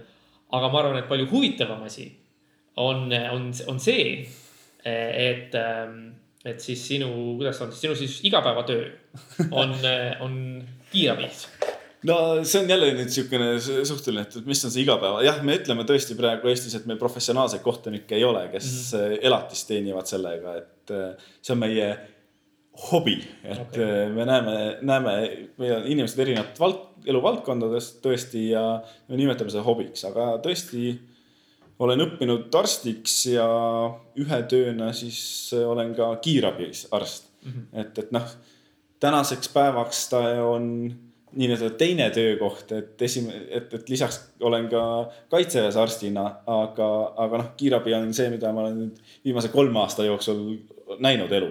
okei okay., et äh, räägi meile natukene, sest et äh, ma, ma olen nii-öelda eravestlustes sinuga nagu kuulnud erinevaid, erinevaid lugusid et, et, et kas sul on äh, mingisuguseid niisuguseid värvikamaid sündmusi või, või asju, mis, äh, mida sa tahaksid nagu, no ma ei tea, viimasest ajast jagada või mingisugused nii-öelda lemmiklood, äh, mida siis meie kuulajatega jagada? see on noh, lemmiklood, kus me alustame, alustame kõigepealt niiviisi, et kiirabi äh, näeb elu ja tihtipeale ma ütleks niiviisi, et elu all ma pean silmas seda, et sa käid äh, kõikvõimalikes elamistes. inimene, inimesed kutsuvad, vahet ei ole, kas ta on puruvaene või äh, megarikas. kiirabi kutsutakse ikkagi mm -hmm. kõikvõimalikel põhjustel mm. -hmm. et äh, ja siis sa näed seda kontrasti Eesti elus. ja omal ajal väga hästi näitas seda äh, Peeter Võsa mm. -hmm. Peeter Võsa käis samamoodi, käis igasugustes urgastes näitas seda just seda madalamat poolt tavaliselt, no ütleme sotsiaalselt raskemas seisus olevaid inimesi mm. -hmm et eh, ja nüüd teist poolt me võime, ma ei tea, näha, lugeda, kes kui vägevalt elab ja milliseid villasid ja asju on endale üles ehitanud. et eh, see on see töö nagu üks osa. ja teine osa sellest tööst on tegelikult see, et inimesed eh, kutsuvad enamasti kiirabi, kui nad tunnevad, et nad ei saa ise hakkama või nad ei saa mujalt abi mm. -hmm. et just oma tervise osas. ja tihtipeale me mõtleme selle kohta niiviisi, et noh, kurat, et eh, miks ta nüüd ei saa selle hakkama, kuidas ta nii labase asja pärast kutsub kiirabi. et see ei ole kiirabi töö. Eh, ja see on täiesti absurdne, miks ta üldse kiirabi kutsub. aga mis võiks olla mõni näide sellest, eh, sellisest juhtumist, niisugusest labasest, miski, mingi mõttes justkui nagu labasest väljakutsest? no niisugune labane väljakutse, kahekümne kaheksa aastane naisterahvas tunneb, et ennast halvasti oksendanud kolm korda, külmavärinad äh, ja kerge peavalu. noh, lähed kohale, pane kraadiklaasi alla, mõõdad palavikku kolmkümmend kaheksa ja seitse, võib-olla isegi vähem, mõnikord kolmkümmend seitse ja kuus mm. -hmm. ja tõesti, inimesel on väga halb olla, see on algav viirushaigus inimene on kolmandat tundi haige ja noh, elementaarne võte, et võta paratsetamooli, eh, joo ja püsi kodus teki all mm. -hmm. noh, see ei vaja otseselt eh, minu hinnangul vähemalt kiirabi kohale kutsumist. aga kas sihukest asja juhtub, eh, juhtub siis palju või on see niisugune noh, ma tahaks, tahaks öelda meeletult, et jah, ei, see on üksik harv erand mm. -hmm. reaalsus on see, et novembrikuust kuni ütleme märtsini, aprillini seda esineb meeletult palju. Aga kas mingis mõttes ei või olla, et, et see on nagu, kuidas öelda, et see on äh,. et on nagu selles mõttes on hea, et on lihtne. ja ühtepidi see on lihtne, aga samas teistpidi me võtame ära ressursi sel hetkel, kui mina tulen sinu juurde ravima palavikku, on kellelgi võib-olla südameinfarkt mm. -hmm. ja tema juurde ma ei saa minna puhtalt sellepärast, et ma ravin sinu palavikku. Et potentsiaalselt me seame ohtu teised inimesed. jah, minul sellel konkreetsel hetkel on häda suur, ma tunnen, et ma ei saa ise enam hakkama siis tekib see küsimus, et kas see on õpitud abitus või just seesama mugavus, et ah, et aga mul on see ju nii lihtne kutsuda kiirabi, ma ei pea selle eest mitte midagi maksma. Eh, võib-olla ma siis pean pärast nende järgi korra harjaga üle tõmbama, sellepärast et nad ei võtnud jalanõusi jalast ära mm, -hmm. matsid aga kui palju üks kiirabi väljasõit minu koju minu palaviku pärast tegelikult maksab see on äh, nii nagu, kui ma kasutan endise töö- ja tervishoiuministri härra Ossinovski väljendit, siis eh, iga väljasõit maksab riigile kõigest kümme eurot. ülejäänud raha on niisugune baaskulu ja valmisoleku tasu, et eh, see, see nagunii lisakulu ei ole.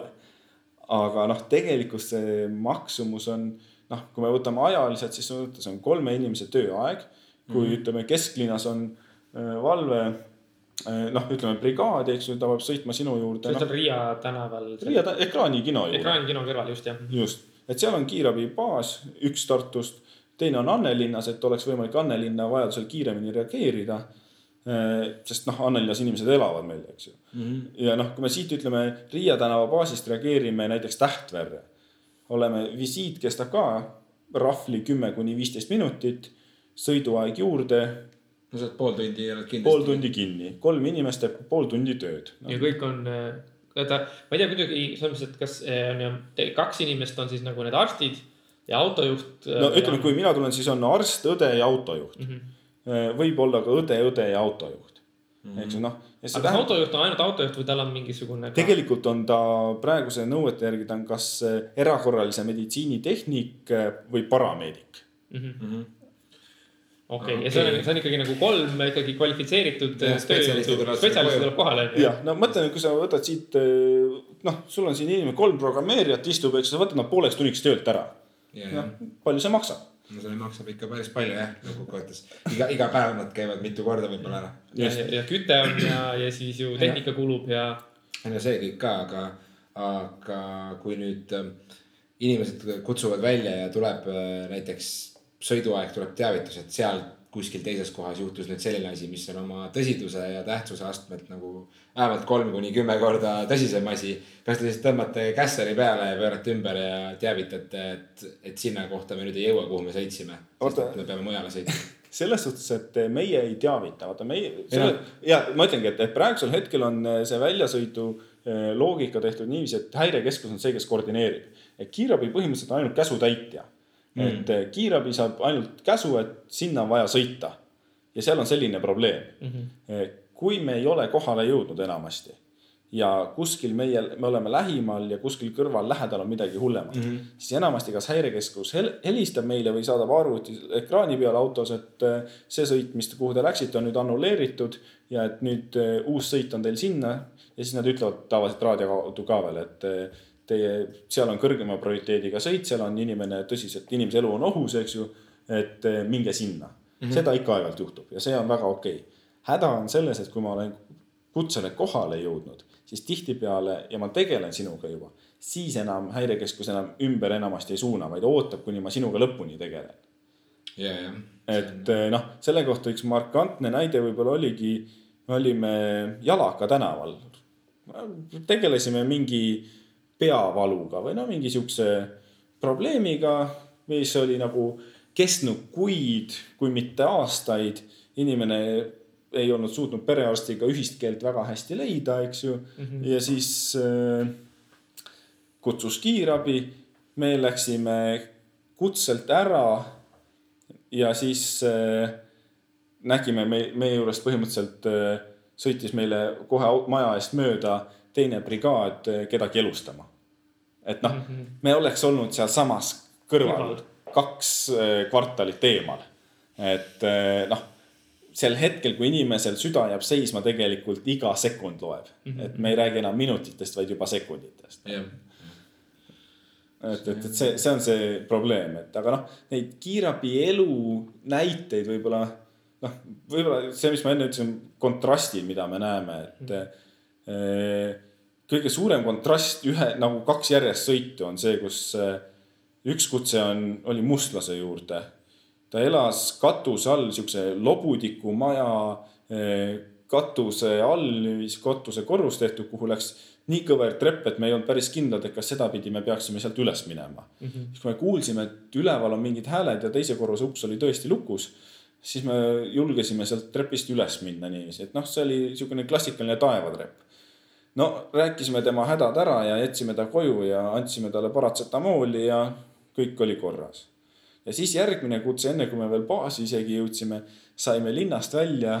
see oli mingi suur villa, mida me näeme enam-vähem Ameerika filmidest niiviisi, et kahekordne villa niiviisi nelja garaažiga ja maja ees on purskkaev, mille ümber on tehtud ringtee mm -hmm. kiviparketiga niiviisi ja sees on marmorist kõik ja noh, seal oli ka, oli meesterahvas, kellel oli antibiootikum olemas kodus ja kellel oli palavik ja selgus, et noh, tal ei ole kraadiklaasi, et ta ei tea, kui palju tal palavik on mm.. Mm. Wow, see tõesti tundub nagu äh, ütleme niimoodi, et siis see nagu nende lugude põhjal, mis sa mulle praegu räägid, äh, tundub, eks, et, äh, et kiirabitöö on nagu ma ei tea, siis pigem nagu siukene igav tüütus. et no., et siukest nagu tegelikult... kangelaslikke mingeid seiklusi nagu väga ei, ei olegi või siis sa lihtsalt hoiad tagasi praegu ei no eks neid kangelaslikke seiklusi ka ole, jah, ma ise viimase aja üks nagu lugusid, mis ma kõige nagu rohkem rahul olen, oli see, et kuidagi varem olime tööle kohale jõudnud ja noh, sõit hakkas seitse nelikümmend saime sõidu, noh, tavaliselt on meil kaheksa valvevahetus, aga meil kogu brigaad oli juba seitse nelikümmend kohal, saime uue brigaadiga minna. ja läksime, sõitsime Tartust välja Roiul oli kutse, klassikaline kutse ei olnud mitte kõige kõrgema prioriteediga, vaid üks aasta allpool. Charlie kutse, et valurinnus. mees, üle kuuekümne aastane mees, natukene hommikust valurinnus. Noh, mis see tavaliselt on, on niisugune infarktile viitav kutse, millest noh, eh, tegelikult, mis me käime siis kaheksakümmend, üheksakümmend protsenti ei ole mitte midagi. ehk siis noh, niisugune rutiinne kutse üsna, me läheme kohale, teeme EKG ära, leia, noh, südamefilmi siis ja näeme, et eh, okei okay,, sellel mehel tõesti on tugev infarkt. autojuhi saadan allakorrusele, kolmekorruseline maja, allakorrusele siis tooma kandetekki, sest inimene sel hetkel enam ise kõndida ei tohi. ja monitori ka, et me saaksime kogu aeg tema südant jälgida mm. -hmm. ise hakkan kirjeldama arvutisse siis, et mis me leidsime ja mida me uurisime, õde hakkab veenikanüüli panema. ja siis järsku teeb mees nagu imeliku liigutuse, hakkab nagu krambitama. siis me vaatame, oi kurat, see ei ole krambijooks, tal süda jäi seisma noh, ja siis ongi see hetk, kus sa tõmbad inimese voodi pealt põrandale maha mm, -hmm. hakkad tegema südamemassaaži, autojuht lõikad alla, püüad hõigata, et eh, ta tooks elustamisasjad kiiresti mm. -hmm. saad elektripaugu ära panna, inimene ärkab ellu mm -hmm.. noh, siis ta võitleb sulle vastu, siis sa eh, paned talle selle aparaadi külge ja siis sa näed, et eh, saad enam-vähem ta juba valmis, siis sa näed, et ekraani järgi, et inimene muidu räägib, räägib sinuga veel endiselt, aga siis sa näed, et tegelikult süda jääb seisma, tal on uut, uut pauku vaja panna. ja siis sa räägid ja mõtled selle peale, et tegelikult, et hea küll, et ma nüüd pean ootama veel mõne sekundi, kuni ta kaotab teadvuse, muidu ta saab räigelt haiget. kui sa mõtled selle peale, et sa saaksid elektrilöögi, siis see teeb haiget mm. -hmm. noh, ja siis ongi see, et sa ootad, ootad ja see aeg sel hetkel venib. kas see, kas see räigelt haige saamine on väiksema või siis suurema hinnaga kui see, et ta noh. saaks, saaks õigel ajal oma. selles mõttes jah, et, et, et te ilmselgelt nagu hindate olukorda seal jooksvalt, et, et sa pead, pead veenduma selles, et see olukord on käes, et nüüd, nüüd nii-öelda anda siis see löök jah? nojah, ütleme, et sa. ennatlikult ei tohi seda anda? ei ole mõistlik anda, noh, et jah, inimene noh, kui me võrdleme siis, et kumb on siis kahjulikum, eks ju, et kas see, et ta sureb ära või see, et ta on, ta saab haiget, eks ju, et siis loomulikult on oluline see, et inimene ellu jääks, eks ju, et aga. aga noh, mõistlik on seda oodata kolm sekundit kauem ja mm mitte põhjustada liigseid kannatusi mm. -hmm. antud mees lõpuks, eh, tema süda seiskus meie käes veel kaks korda ehk kokku neli korda. aga ta sai täisteadvusel haiglasse südame sondeerimisele ja noh, sealt saab siis selle trombi või mis iganes tal seal ees oli ilmselt eest ära. või siis stentida ja teha selle soone laiendamise ja ma kahjuks ei ole nagu järge saanud pidada, et mis, kas, kuidas ta sealt haiglast välja tuli aga noh, ma tean, et ma sain täis elujõus või noh, teadvusel inimese üle, üle anda okay.. samas ta oli mul neli korda surnud. jah, jah. no see on aga, ikka jah, väga. see on ikka päris äh, ränk nagu jah, et selles mõttes siis on tõesti niimoodi, et need paratsetamooli juhtumid on nagu kuidagi, et see. et ekstreem, ekstreem on päris. just, et ta ei olnud ju linnas sees ja, ja see, et te olite sellel hetkel seal nagu see ilmselt päästis selle inimese elu no suure, suure, suure tõenäosusega, et, et tagantjärgi me loomulikult ise ka äh, ütlesime, et noh, mehel meeletult vedas, et tal jäi süda seisma sel hetkel, kui ta oli meie juures. et me olime seal juures, et tal oleks võinud see süda sama hästi jääda viis minutit varem seisma, kümme minutit varem. noh, keegi ei tea, et mm -hmm. tegelikult äh, ta ei teinud mitte midagi muud, kui ta istus voodiserval, meie palusime tal pikali visata mm. -hmm ja selle peale jäi süda põhimõtteliselt seisma. aga kui tihti juhtub näiteks seda, eks, et on äh, siis ähm, noh, perekonnaliikmed või, või sõbrad või noh, need teised inimesed, kes on ruumis, et nagu nendega peab ka nagu tegelema no,. tema puhul läks meil tegelikult väga hästi, sest kutsujaks oli tema poeg ja poeg oli juures ja poeg ei hakanud närvitsema tema, et noh, ta oli igati koostöövalmis, ta ei tulnud vahele, ta ei tulnud segama. see oli täiesti ühtepidi müstiline, et ta ei noh, ta lasi meil tegutseda, see oli mm -hmm. nagu väga hea mm. -hmm. jah, meil juhtub seda tihtipeale siis, kui inimesed on purjus, siis nemad nagu saavad vähem aru okay.. et. see on äh, väga raske tegelikult olukord ikkagi, kui sul inimesed segavad sinu. no selles mõttes nad ei saa sellest aru, et tänu sinu kohalolekule on sellel inimesel võimalik ellu jääda ja siis nad tahavad äh, oma mingeid emotsioone väljendada selle käigus. no see on eriti raske on see avalikus kohas, noh, üks elustamine oli meil Anne linnas selle Maxima sularahaautomaadi juures, noh, see sõpruse pood. Yeah.. seal mees oli sularaha võtnud, oli seal ukse ees kokku kukkunud, noh, sealt Maximasse saab samast uksest sealt sisse. Ju mm -hmm.. noh, mees suri seal maha, meie elustasime, tuli ka reanimobiilibrigaad meile appi. elustasime, me olime enam-vähem juba saanud stabiilselt asja kontrolli alla, süda käis valmistasime ette transpordiks ja siis tuleb üks memmekene niiviisi kotiga, et laske ma vaatan, et eh, äkki ma tunnen teda oma kotikesega no.. no mammi tahtis jagada kohalikke uudiseid ilmselt siis edasi. no jah, aga noh. aga noh, selles mõttes tõesti jah, et see on nagu siukene, et ähm.... -hmm. kui, kui te olete vahetuses, siis kui pikk see töövahetus on? kakskümmend neli tundi on kiirabis ikkagi. ja, ja kuidas sa ise tunned seda, olles äh, nüüd aastaid seda tööd teinud, eks ole et äh, kuidas see sinu tervisele mõjub, et kuna sinul süda seisma jääb? Et see on tihtipeale, et mul kunagi perearst, äh, perearstil äh, veen lõhkes kuskil peapiirkonnas ja ta oli nagu aastaringselt kogu aeg tööl aitas kõiki inimesi, kuni ise lihtsalt jäi seisma. et, et tihtipeale ma kuulen, et need inimesed, kes aitavad teisi ohverdavad oma nagu tervise ja aja selle peale, et teisi aidata, et see on nagu väga raske töö, et ei no ühtepidi on ja noh, me noh, nagu ma ütlesin enne ka, et mitmes kohas töötamine, eks ju, ja siis see jalgpallikohtuniku pisikene hobi veel juurde, eks ju. aga samas on hea, et sa saad vahepeal vaata kõvasti joosta ja. spordi tegemine, eks ju, aitab jah, mõtted mujale, teine seltskond ja selles suhtes, et läbipõlemist kindlasti nagu tükk maad vähendab. ületöötamine on meditsiinis karm probleem. ütleme, see kakskümmend neli tundi vahetus ei olekski nagu probleem, kui keskmine arst töötaks üks koma null koormusega noh, kakskümmend neli tundi vahetusi, see tähendaks kaheksa vahetust kuu peale, noh, tegelikult ei ole midagi hullu, kaheksa päeva tööl ainult. Mm -hmm.. noh, ma kodus ikka aeg-ajalt irvitasin, siis kui ma ainult kiirabis töötasin, et no mis seal ikka, et ma käin kaheksa, hea küll, ma teen mõned ületunnid ka, et ma käin üheksanda päeva ka tööl. aga tegelikult on mul iga kuu kakskümmend ja natukene peale vaba päeva ja valvejärgne päev alati ei pruugi olla hea päev, et noh, sa oled hommikul uimane, väsinud, et noh, sa öösel. aga selles mõttes, et sa oledki niimoodi, eks, et sa, sa kakskümmend neli tundi tähendab seda, et sa pead ise ju ka mingi aeg ikkagi nagu puhkama, eks. no ja selles suhtes on kiirabi nagu hea koht, et noh, nagu ma enne ütlesin ka, et, et väljasõit ise maksab kümme eurot, eks ju, et, et valveloleku eest makstakse, et me ise ka irvitame, et, et meile makstakse sellest, et me oleme valmis inimesi aitama, mitte sellest, et me aitame inimesi, see on mm -hmm. nagu lisaboonus juures, eks ju. Et Just kiirabis su kõik see hetk, kui sa ei ole kutsel, tegelikult on sinu puhkehetk mm. -hmm. et eh, mis on nagu võrreldes haiglaga minu meelest kiirabis nagu parem, on see, et eh, patsiendid ei tule sinu juurde.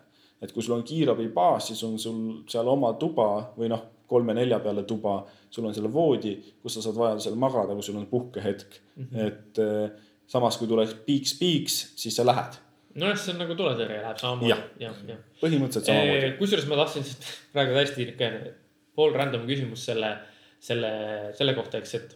et on ju kindlasti on ju, on ju teada, et, et on mõned sellised päevad, mille puhul, et kui ma täna olen valves, siis on, siis on teada, et tuleb rohkem kutseid. eks, kindlasti on sellised päevad olemas, on ju, et sa juba tead, arvestad ette. et kas sa oled tähele pannud ja kas sa oled pööranud tähelepanu, et mõnikord räägitakse, et täiskuu öösel inimesed lähevad segaseks et mõndadel inimestel kuidagi hakkavad nagu mingid luulud hakkavad rohkem jooksma ja, ja juhtub rohkem asju. et kas, kas, kas see on kiirabitöös on seda täheldada, et kui on täiskuu ööd, siis on teada, et tuleb rohkem kutseid. pluss-miinus kolm päeva. jah, no seda nagunii jah, sest et seal on need, see, see tsükli aeg. see on, ma ei ole ise statistikat teinud, aga mm. täis, täiskuu pluss-miinus kolm päeva, eh, viies kuupäev sinna juurde eh, iga kuu algusest ja siis sa tead, et noh, sa võid teada, et sul on järgmine päev pärast valvet nagu surnud päev, sellepärast et sa öö otsa tegeled eh, purjus hulludega okei okay,, okei okay,, nii et see on täiesti reaalne värk. see on täiesti reaalne, noh, võib-olla keegi teeb statistikat, ütleb, et see on. Äh, ettekujutus. ettekujutus ja sihukene lihtsalt äh, statistiline hälve ja, ja, ja et tegelikult ka teistel päevadel on neid raskeid valveid, aga noh. võib-olla sa lähed teistsuguse suhtumiseks, sa näed, et täiskuu on ja mm -hmm. sa tead, et on olnud bensipäevad ja palgapäevad, et siis see lihtsalt muudab selle olukorra ikkagi üsna raskeks, et. aga kui sa oled äh, kakskümmend neli tundi olnud tööl, lähed koju ja püüad magada, et noh, paljudel inimestel on ju lapsed, paljudel inimestel on lemmikloomad, kes elab kus kohas, nii edasi, võib-olla mõni inimene elab, eks ole, linnast väljas, et tegelikult kui palju see töö sinu enda elu tavalisi rütme nagu selles mõttes, et see päev pärast seda vahetust, et sa tahaksid võib-olla lihtsalt magada, võib-olla mõni inimene ei saa. mõnel inimesel on lapsed kodus, kes tahavad mängida, hoiavad üleval, hoiavad ärkvel, on lähedased, on no, igasugused olukorrad, onju et tegelikult see on ikka väga raske väljakutse nagu ka elu elamiseks. ühtepidi see on väga raske väljakutse tõesti, et eh, noh, see järgmine päev võib olla imelik, halb ja sa ei suuda seda noh, sa, sa ei saa garanteerida, et sa järgmine päev oled eh, täisfunktsionaalne, eks ju, et mm -hmm. jah, vahepeal sa lihtsalt pead ennast sundima ja sa pead selle kuidagi üle elama. siis sa vahepeal loodad, et äkki see valve on niisugune rahulik valve, siis tavaliselt läheb kõik metsa ja eriti, kui sul on vaja hommikul kuhugi jõuda, siis sa saad hommikul vahetult enne valve üleandmist saad mingi pika kutse kuhugi kaugele maakonda, siis sa sinna ei jõua.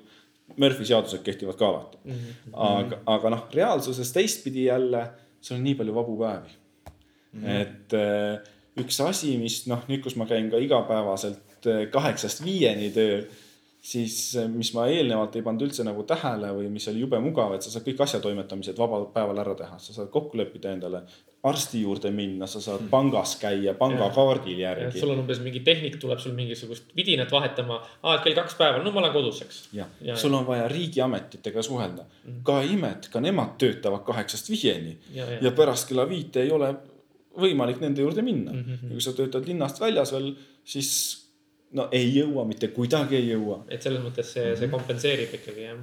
et eh, see kompenseerib ja samamoodi, et noh, et hea küll, see tapab osad ära, osad su pühad ja, ja nädalavahetused. aga see on midagi, millega sa arvestad siis, kui sa õpid, ilmselt?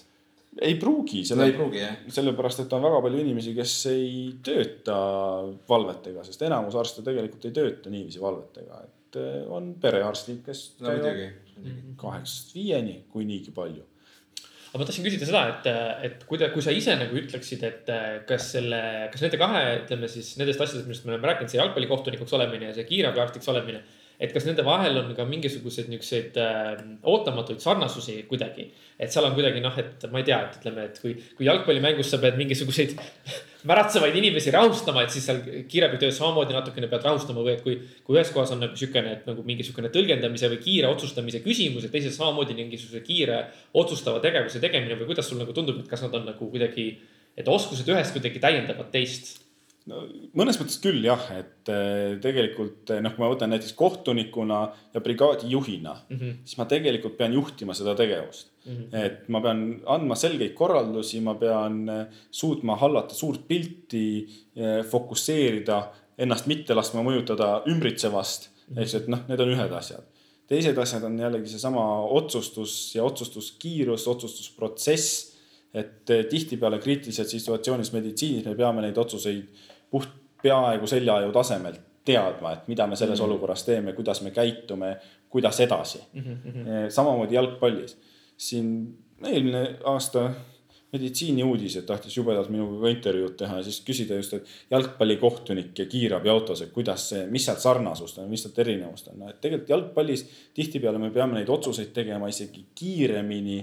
ja mis suurim erinevus on see, et vaata meditsiinis öeldakse, et on ringkaitse, eks ju, et arstid mätsivad kinni oma eksimused ja loomulikult raviviga on võimalik ju parandada. aga noh, jalgpalli suurel väljakul teleekraanid, noh, tegid vea, noh, enam ei mätsi kinni. üsna nagu selge kõigile näha, et, et selles suhtes kohati on nagu jalgpallikohtuniku elu nagu raskem isegi kui nagu kiirabiarsti oma. et sa pead samamoodi nagu hetkes langetama selle otsuse ja sa pead selle langetama õigesti ja, ja kui sa seda ei tee, on ju, siis on elu, elu lõpuni on Youtube'is kõigile vaatamiseks, et näed, kuidas te ei näinud ja kuidas te ei teinud. just. mm -hmm.. kui äh, hästi palju levib seda juttu, et paljud, kes õpivad siin Eestis, lähevad kuskile, lähevad kuskile välismaale tööle. võib-olla ei hakka seda ametit siin pidama, hakkab midagi muud tegema. sellepärast, et äh, töökoormus on hästi raske, stressikoormus on hästi suur. aga raha, mis sa selle eest saad, on selline tunne, et noh, et see ei ole nagu seda pingutust väärt tihtipeale noh, selles mõttes, et nagu jääb mulje, et, et paljud inimesed ei tee seda tööd seetõttu, et raha teenida, vaid see on pigem nagu sisemine kutse, et kuidas sinu puhul on, et kas sa tunned, et, et see palk, mida sa kiirabis töötades teenid äh,, on sinu, sinu meelest selles mõttes nagu kas sa oled mõelnud, et, et, et kurat, et see, kuhu ma tegin sellist tööd, et selle eest peaks ikka rohkem raha saama? vaata, kiirabitöö on selles suhtes nagu hästi raske, et meile makstakse seal tunnipõhiselt, eks ju, et keegi mm., keegi ei vaata, et milliseid kutseid sa lahendasid. ja, ja, ja see on juba nagu fikstasu tunnipõhiselt. fikstasu tunnipõhiselt, eks ju, sealt ei ole nagu see, et, et kuidas sul veab nagu, et mul mingi hetk siin aasta alguses oli nagu. laipade eest raha maha ei võeta nagu jah? jah, et seda ka ühtepidi, eks ju, hea, eks ju, et, et kui sa eksid, eks ju, et keegi nagu sellest ei karista nagu vähemalt finantsiliselt. aga no teistpidi ongi see, et aasta alguses siin oli, et hästi rasked valved, kuidagi juhtus mul hästi siuksed rasked kutsed. noh, et selle eest ma saan sama palju palka, kui ma selle eest, et ma toon sulle paratsetamooli. et noh, selles, see, see on nagu ühtepidi nagu raske, teistpidi nagu hea, et, et ma ei sõltu juhusest, eks ju. teistpidi ma tean, et ma saan arstina noh, üle Eesti keskmise palga tugevalt. ja, ja tegelikult ma Eestis elan sellega üsna hästi ära. ma nagu ei kurda selle üle, et ma saaksin vähe palka mm. -hmm. et pigem, mis ma kurdan, ongi see, et eh, tihtipeale, kui ma töötan arstina, siis ma pean tegema väga palju mitte arsti tööd sa oled nagu justkui nagu nendeks, nendeks, nendeks olukordadeks, kuhu sind kutsutakse, sa oled nagu ülekvalifitseeritud no väga. et sa oled nagu, et sinu, sinu, sinu, sinu võimekus nagu mingis mõttes või sinu potentsiaal läheb selles mõttes nagu raisku. just, et, et, et pigem, pigem see küsimus ongi just see, et jah, et mitte selles, et kui palju ma palka saan mm, -hmm. vaid küsimus on selles, et mida ma teen mm. -hmm. eks ju, et, et ma tahaks teha, vahepeal ongi tõesti, et need rasked kutsed ja kui tõesti nüüd on see periood, kus sul on äh, hästi palju neid raskeid kutseid ja neid äh, kutsutakse üksteist sitamagnetiteks, eks ju, et siis noh siis sellel hetkel sa tunned, et sa võib-olla tunduvalt rohkem väärt. sellepärast, et sa aitad sa inimese elule eh, mitu korda sama inimese kasvõi. aga järgmine hetk, kui sa käid ja jagad seda tabletti ja kakskümmend neli tundi sa ei ole andnud isegi äkki vahepeal juhtub ka siukseid valveid, kus inimesed ütlevad, jah, ma sõitsin kakskümmend neli tundi olin valves.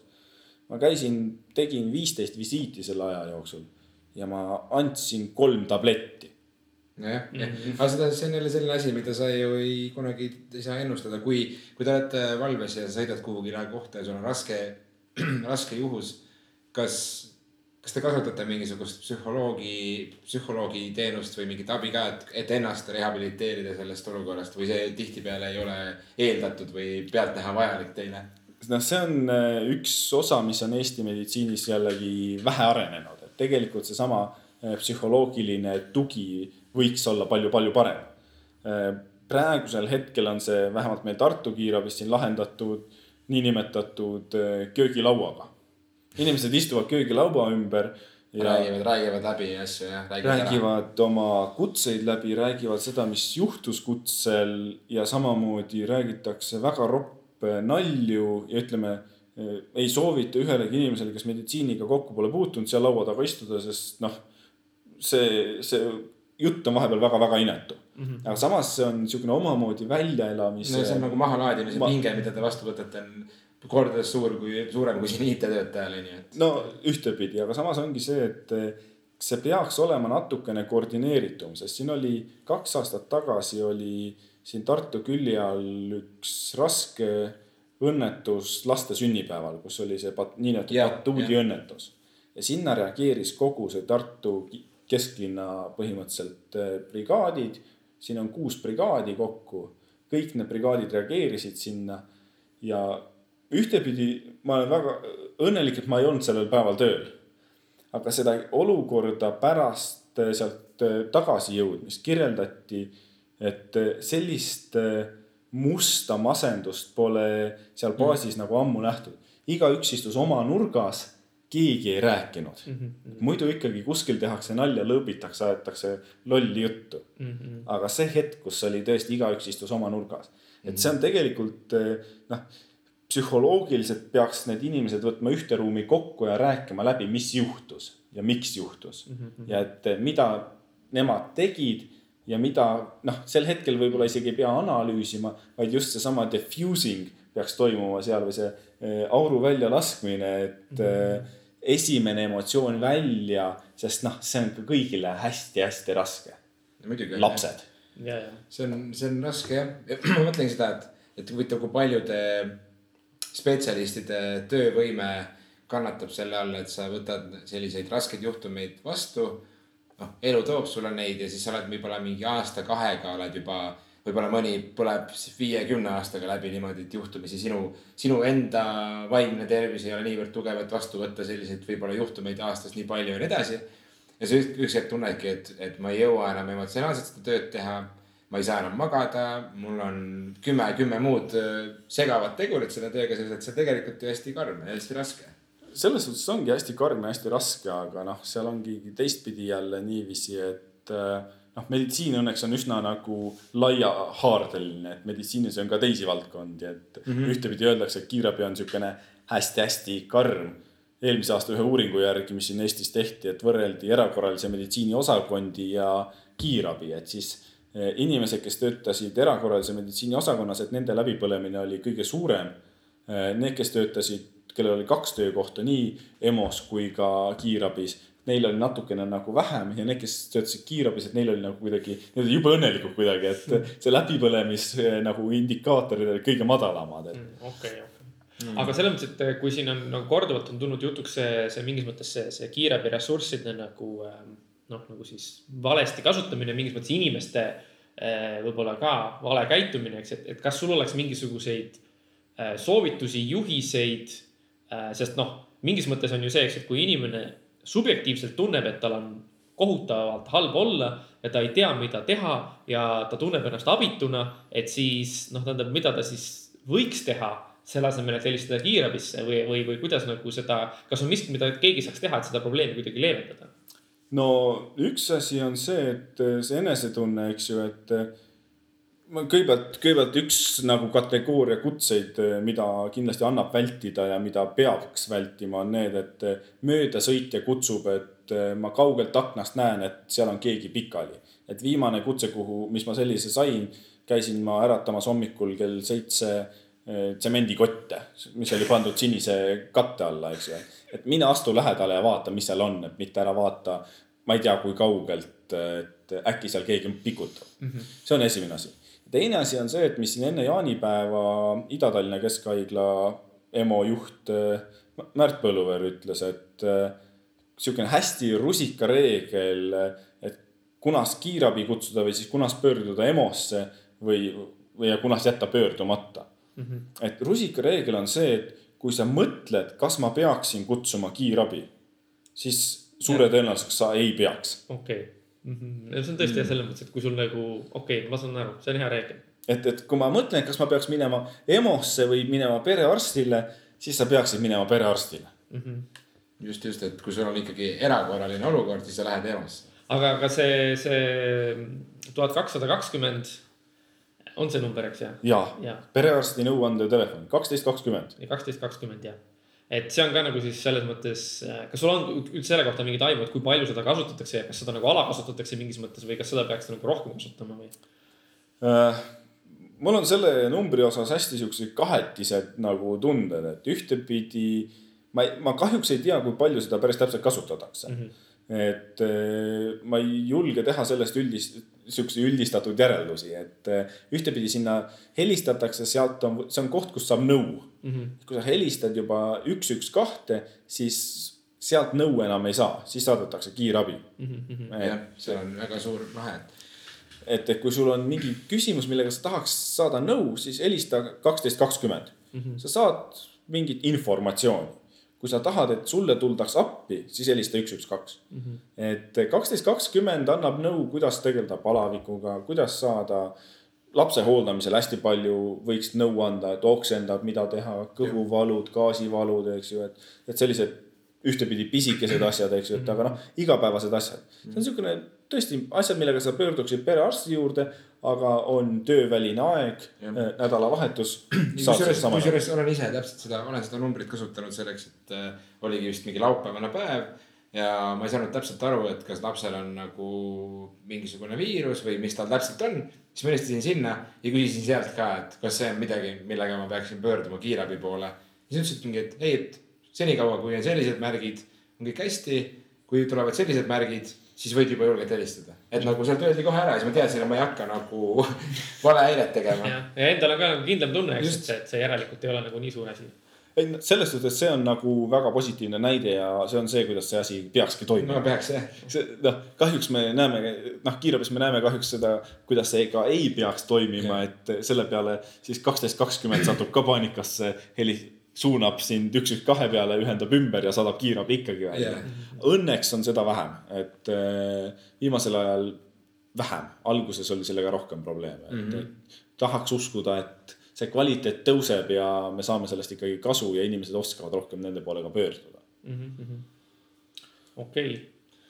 Äh, ma ei tea siis, see on võib-olla niisugune hea positiivne soovitus, mille peal tõmmata otsad kokku, et ei läheks liiga pikaks. no meil on tund nelikümmend viis on räägitud, et no.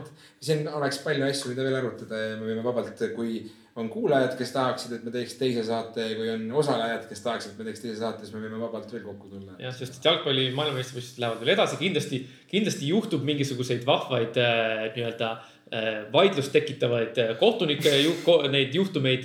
et, äh, et võib-olla siis juuli teises pooles peaks korra vaatama, kuidas meil graafikud sobivad, saame. kas meil finaalmäng on neliteist juuli? viisteist juuli. viisteist on jah. viisteist juuli ja kui see läbi saab, siis kuidas ma enda jalgpalli palavikku hakkan ravima sellega, et mida me siis vaatama peaks hakkama nagu, kuna hooajamängud algavad või kuna järgmine suurem jalgpall toimub? see on väga hea küsimus, sellepärast et eh, nii üllatav kui see ka ei olnud, siis mu kodus eh, kaasa küsis täna just eh, õhtul, et panin, jõudsin töölt koju, panin teleka käima, sealt tuli osoon, et vaatasin midagi imelikku nagu, et. vaata kava, et alles reedel on. alles reedel on jalgpall jah. et tegelikult, kui jalgpall saab nagu maailmameistrivõistlustel läbi viieteistkümnendal, siis ma peast ütlen kahekümnendal, võib-olla ka juba üheksateistkümnendal lähevad edasi Eesti meistrivõistlused jalgpallis, nii et mm. on, mida vaadata, samas suur.... kas sa vilistad ka mõnda neist mängudest? võib juhtuda. ei või iial teada. kui kiirelt sa seda, selle töögraafiku endale saad, kui, kui sa, tuleb, tuleb mingisugune mäng, tuleb mingi kohtumine. kui pikalt sa seda tead ette, kui palju sa ettevalmistusi teed? või kuidas, või kas üldse? Ei no ettevalmistused teed mingil määral ikka, et peaasjalikud, ütleme siuksed mängueelsed ettevalmistused konkreetse mängu osas teed tavaliselt äh, paar päeva ette lihtsalt, et vaatad üle, mis võistkondadega tegu. Eesti liiga meil on piisavalt väike ja me puutume nendega üsna palju kokku, et selles suhtes on nagu lihtsam, et mm -hmm. kui kohtunik, noh, nüüd hakkavad eurohooajad hakkavad ka pihta, et tegelikult äh, Champions League'i eelringid juba käivad, et siin äh, Flora järgmine nädal hakkab mängima ja Champions League'i eelring ja siin Levadia Narva ja Nõmme Kalju mängivad Euroopa liigat, et eh, alati on võimalik neid jälgida, eks ju, et eh, kus mm. juhtuvad ja siis on veel meil karikavõistlused hakkavad pihta. Euroopa tippliigad minu teada hakkavad pihta kuskil augusti keskel. no see ei ole ka enam kaugel. no et tegelikult pärast MM-i kuskil kuu aega jäänud oodata ja siis juba läheb lahti Premier League ja Bundesliga ja La Liga, et. et mm. mida inimesed nagu rohkem jälgivad minu teada Eestis, et. Ja see on jah, no see on klubide järgi, et et, et La Liga ja, ja siis Premier ja, ja just Bundesliga's võib-olla ka, et okei okay, äh, nii palju, millest, millest saame rääkida. ei, kus ongi kõige parem, kõige parem on jätta pooleli selle koha peal, kus on kõige põnevam, siis on järgmine kord nagu äh, olemas kindel nagu niisugune punkt, kus alustada pidev punkt, kus alustada ja siis ja. viskad faktid õhku veel ette ja. just, just, aga teeme siis, äh, püüame teha pärast äh, maailmameistrivõistluse lõppu järelvaatava saate äh, oma emotsioonidest ja, ja kõigest, mis sellega seondub. nii, nukid. oi, kõmm. kõmm.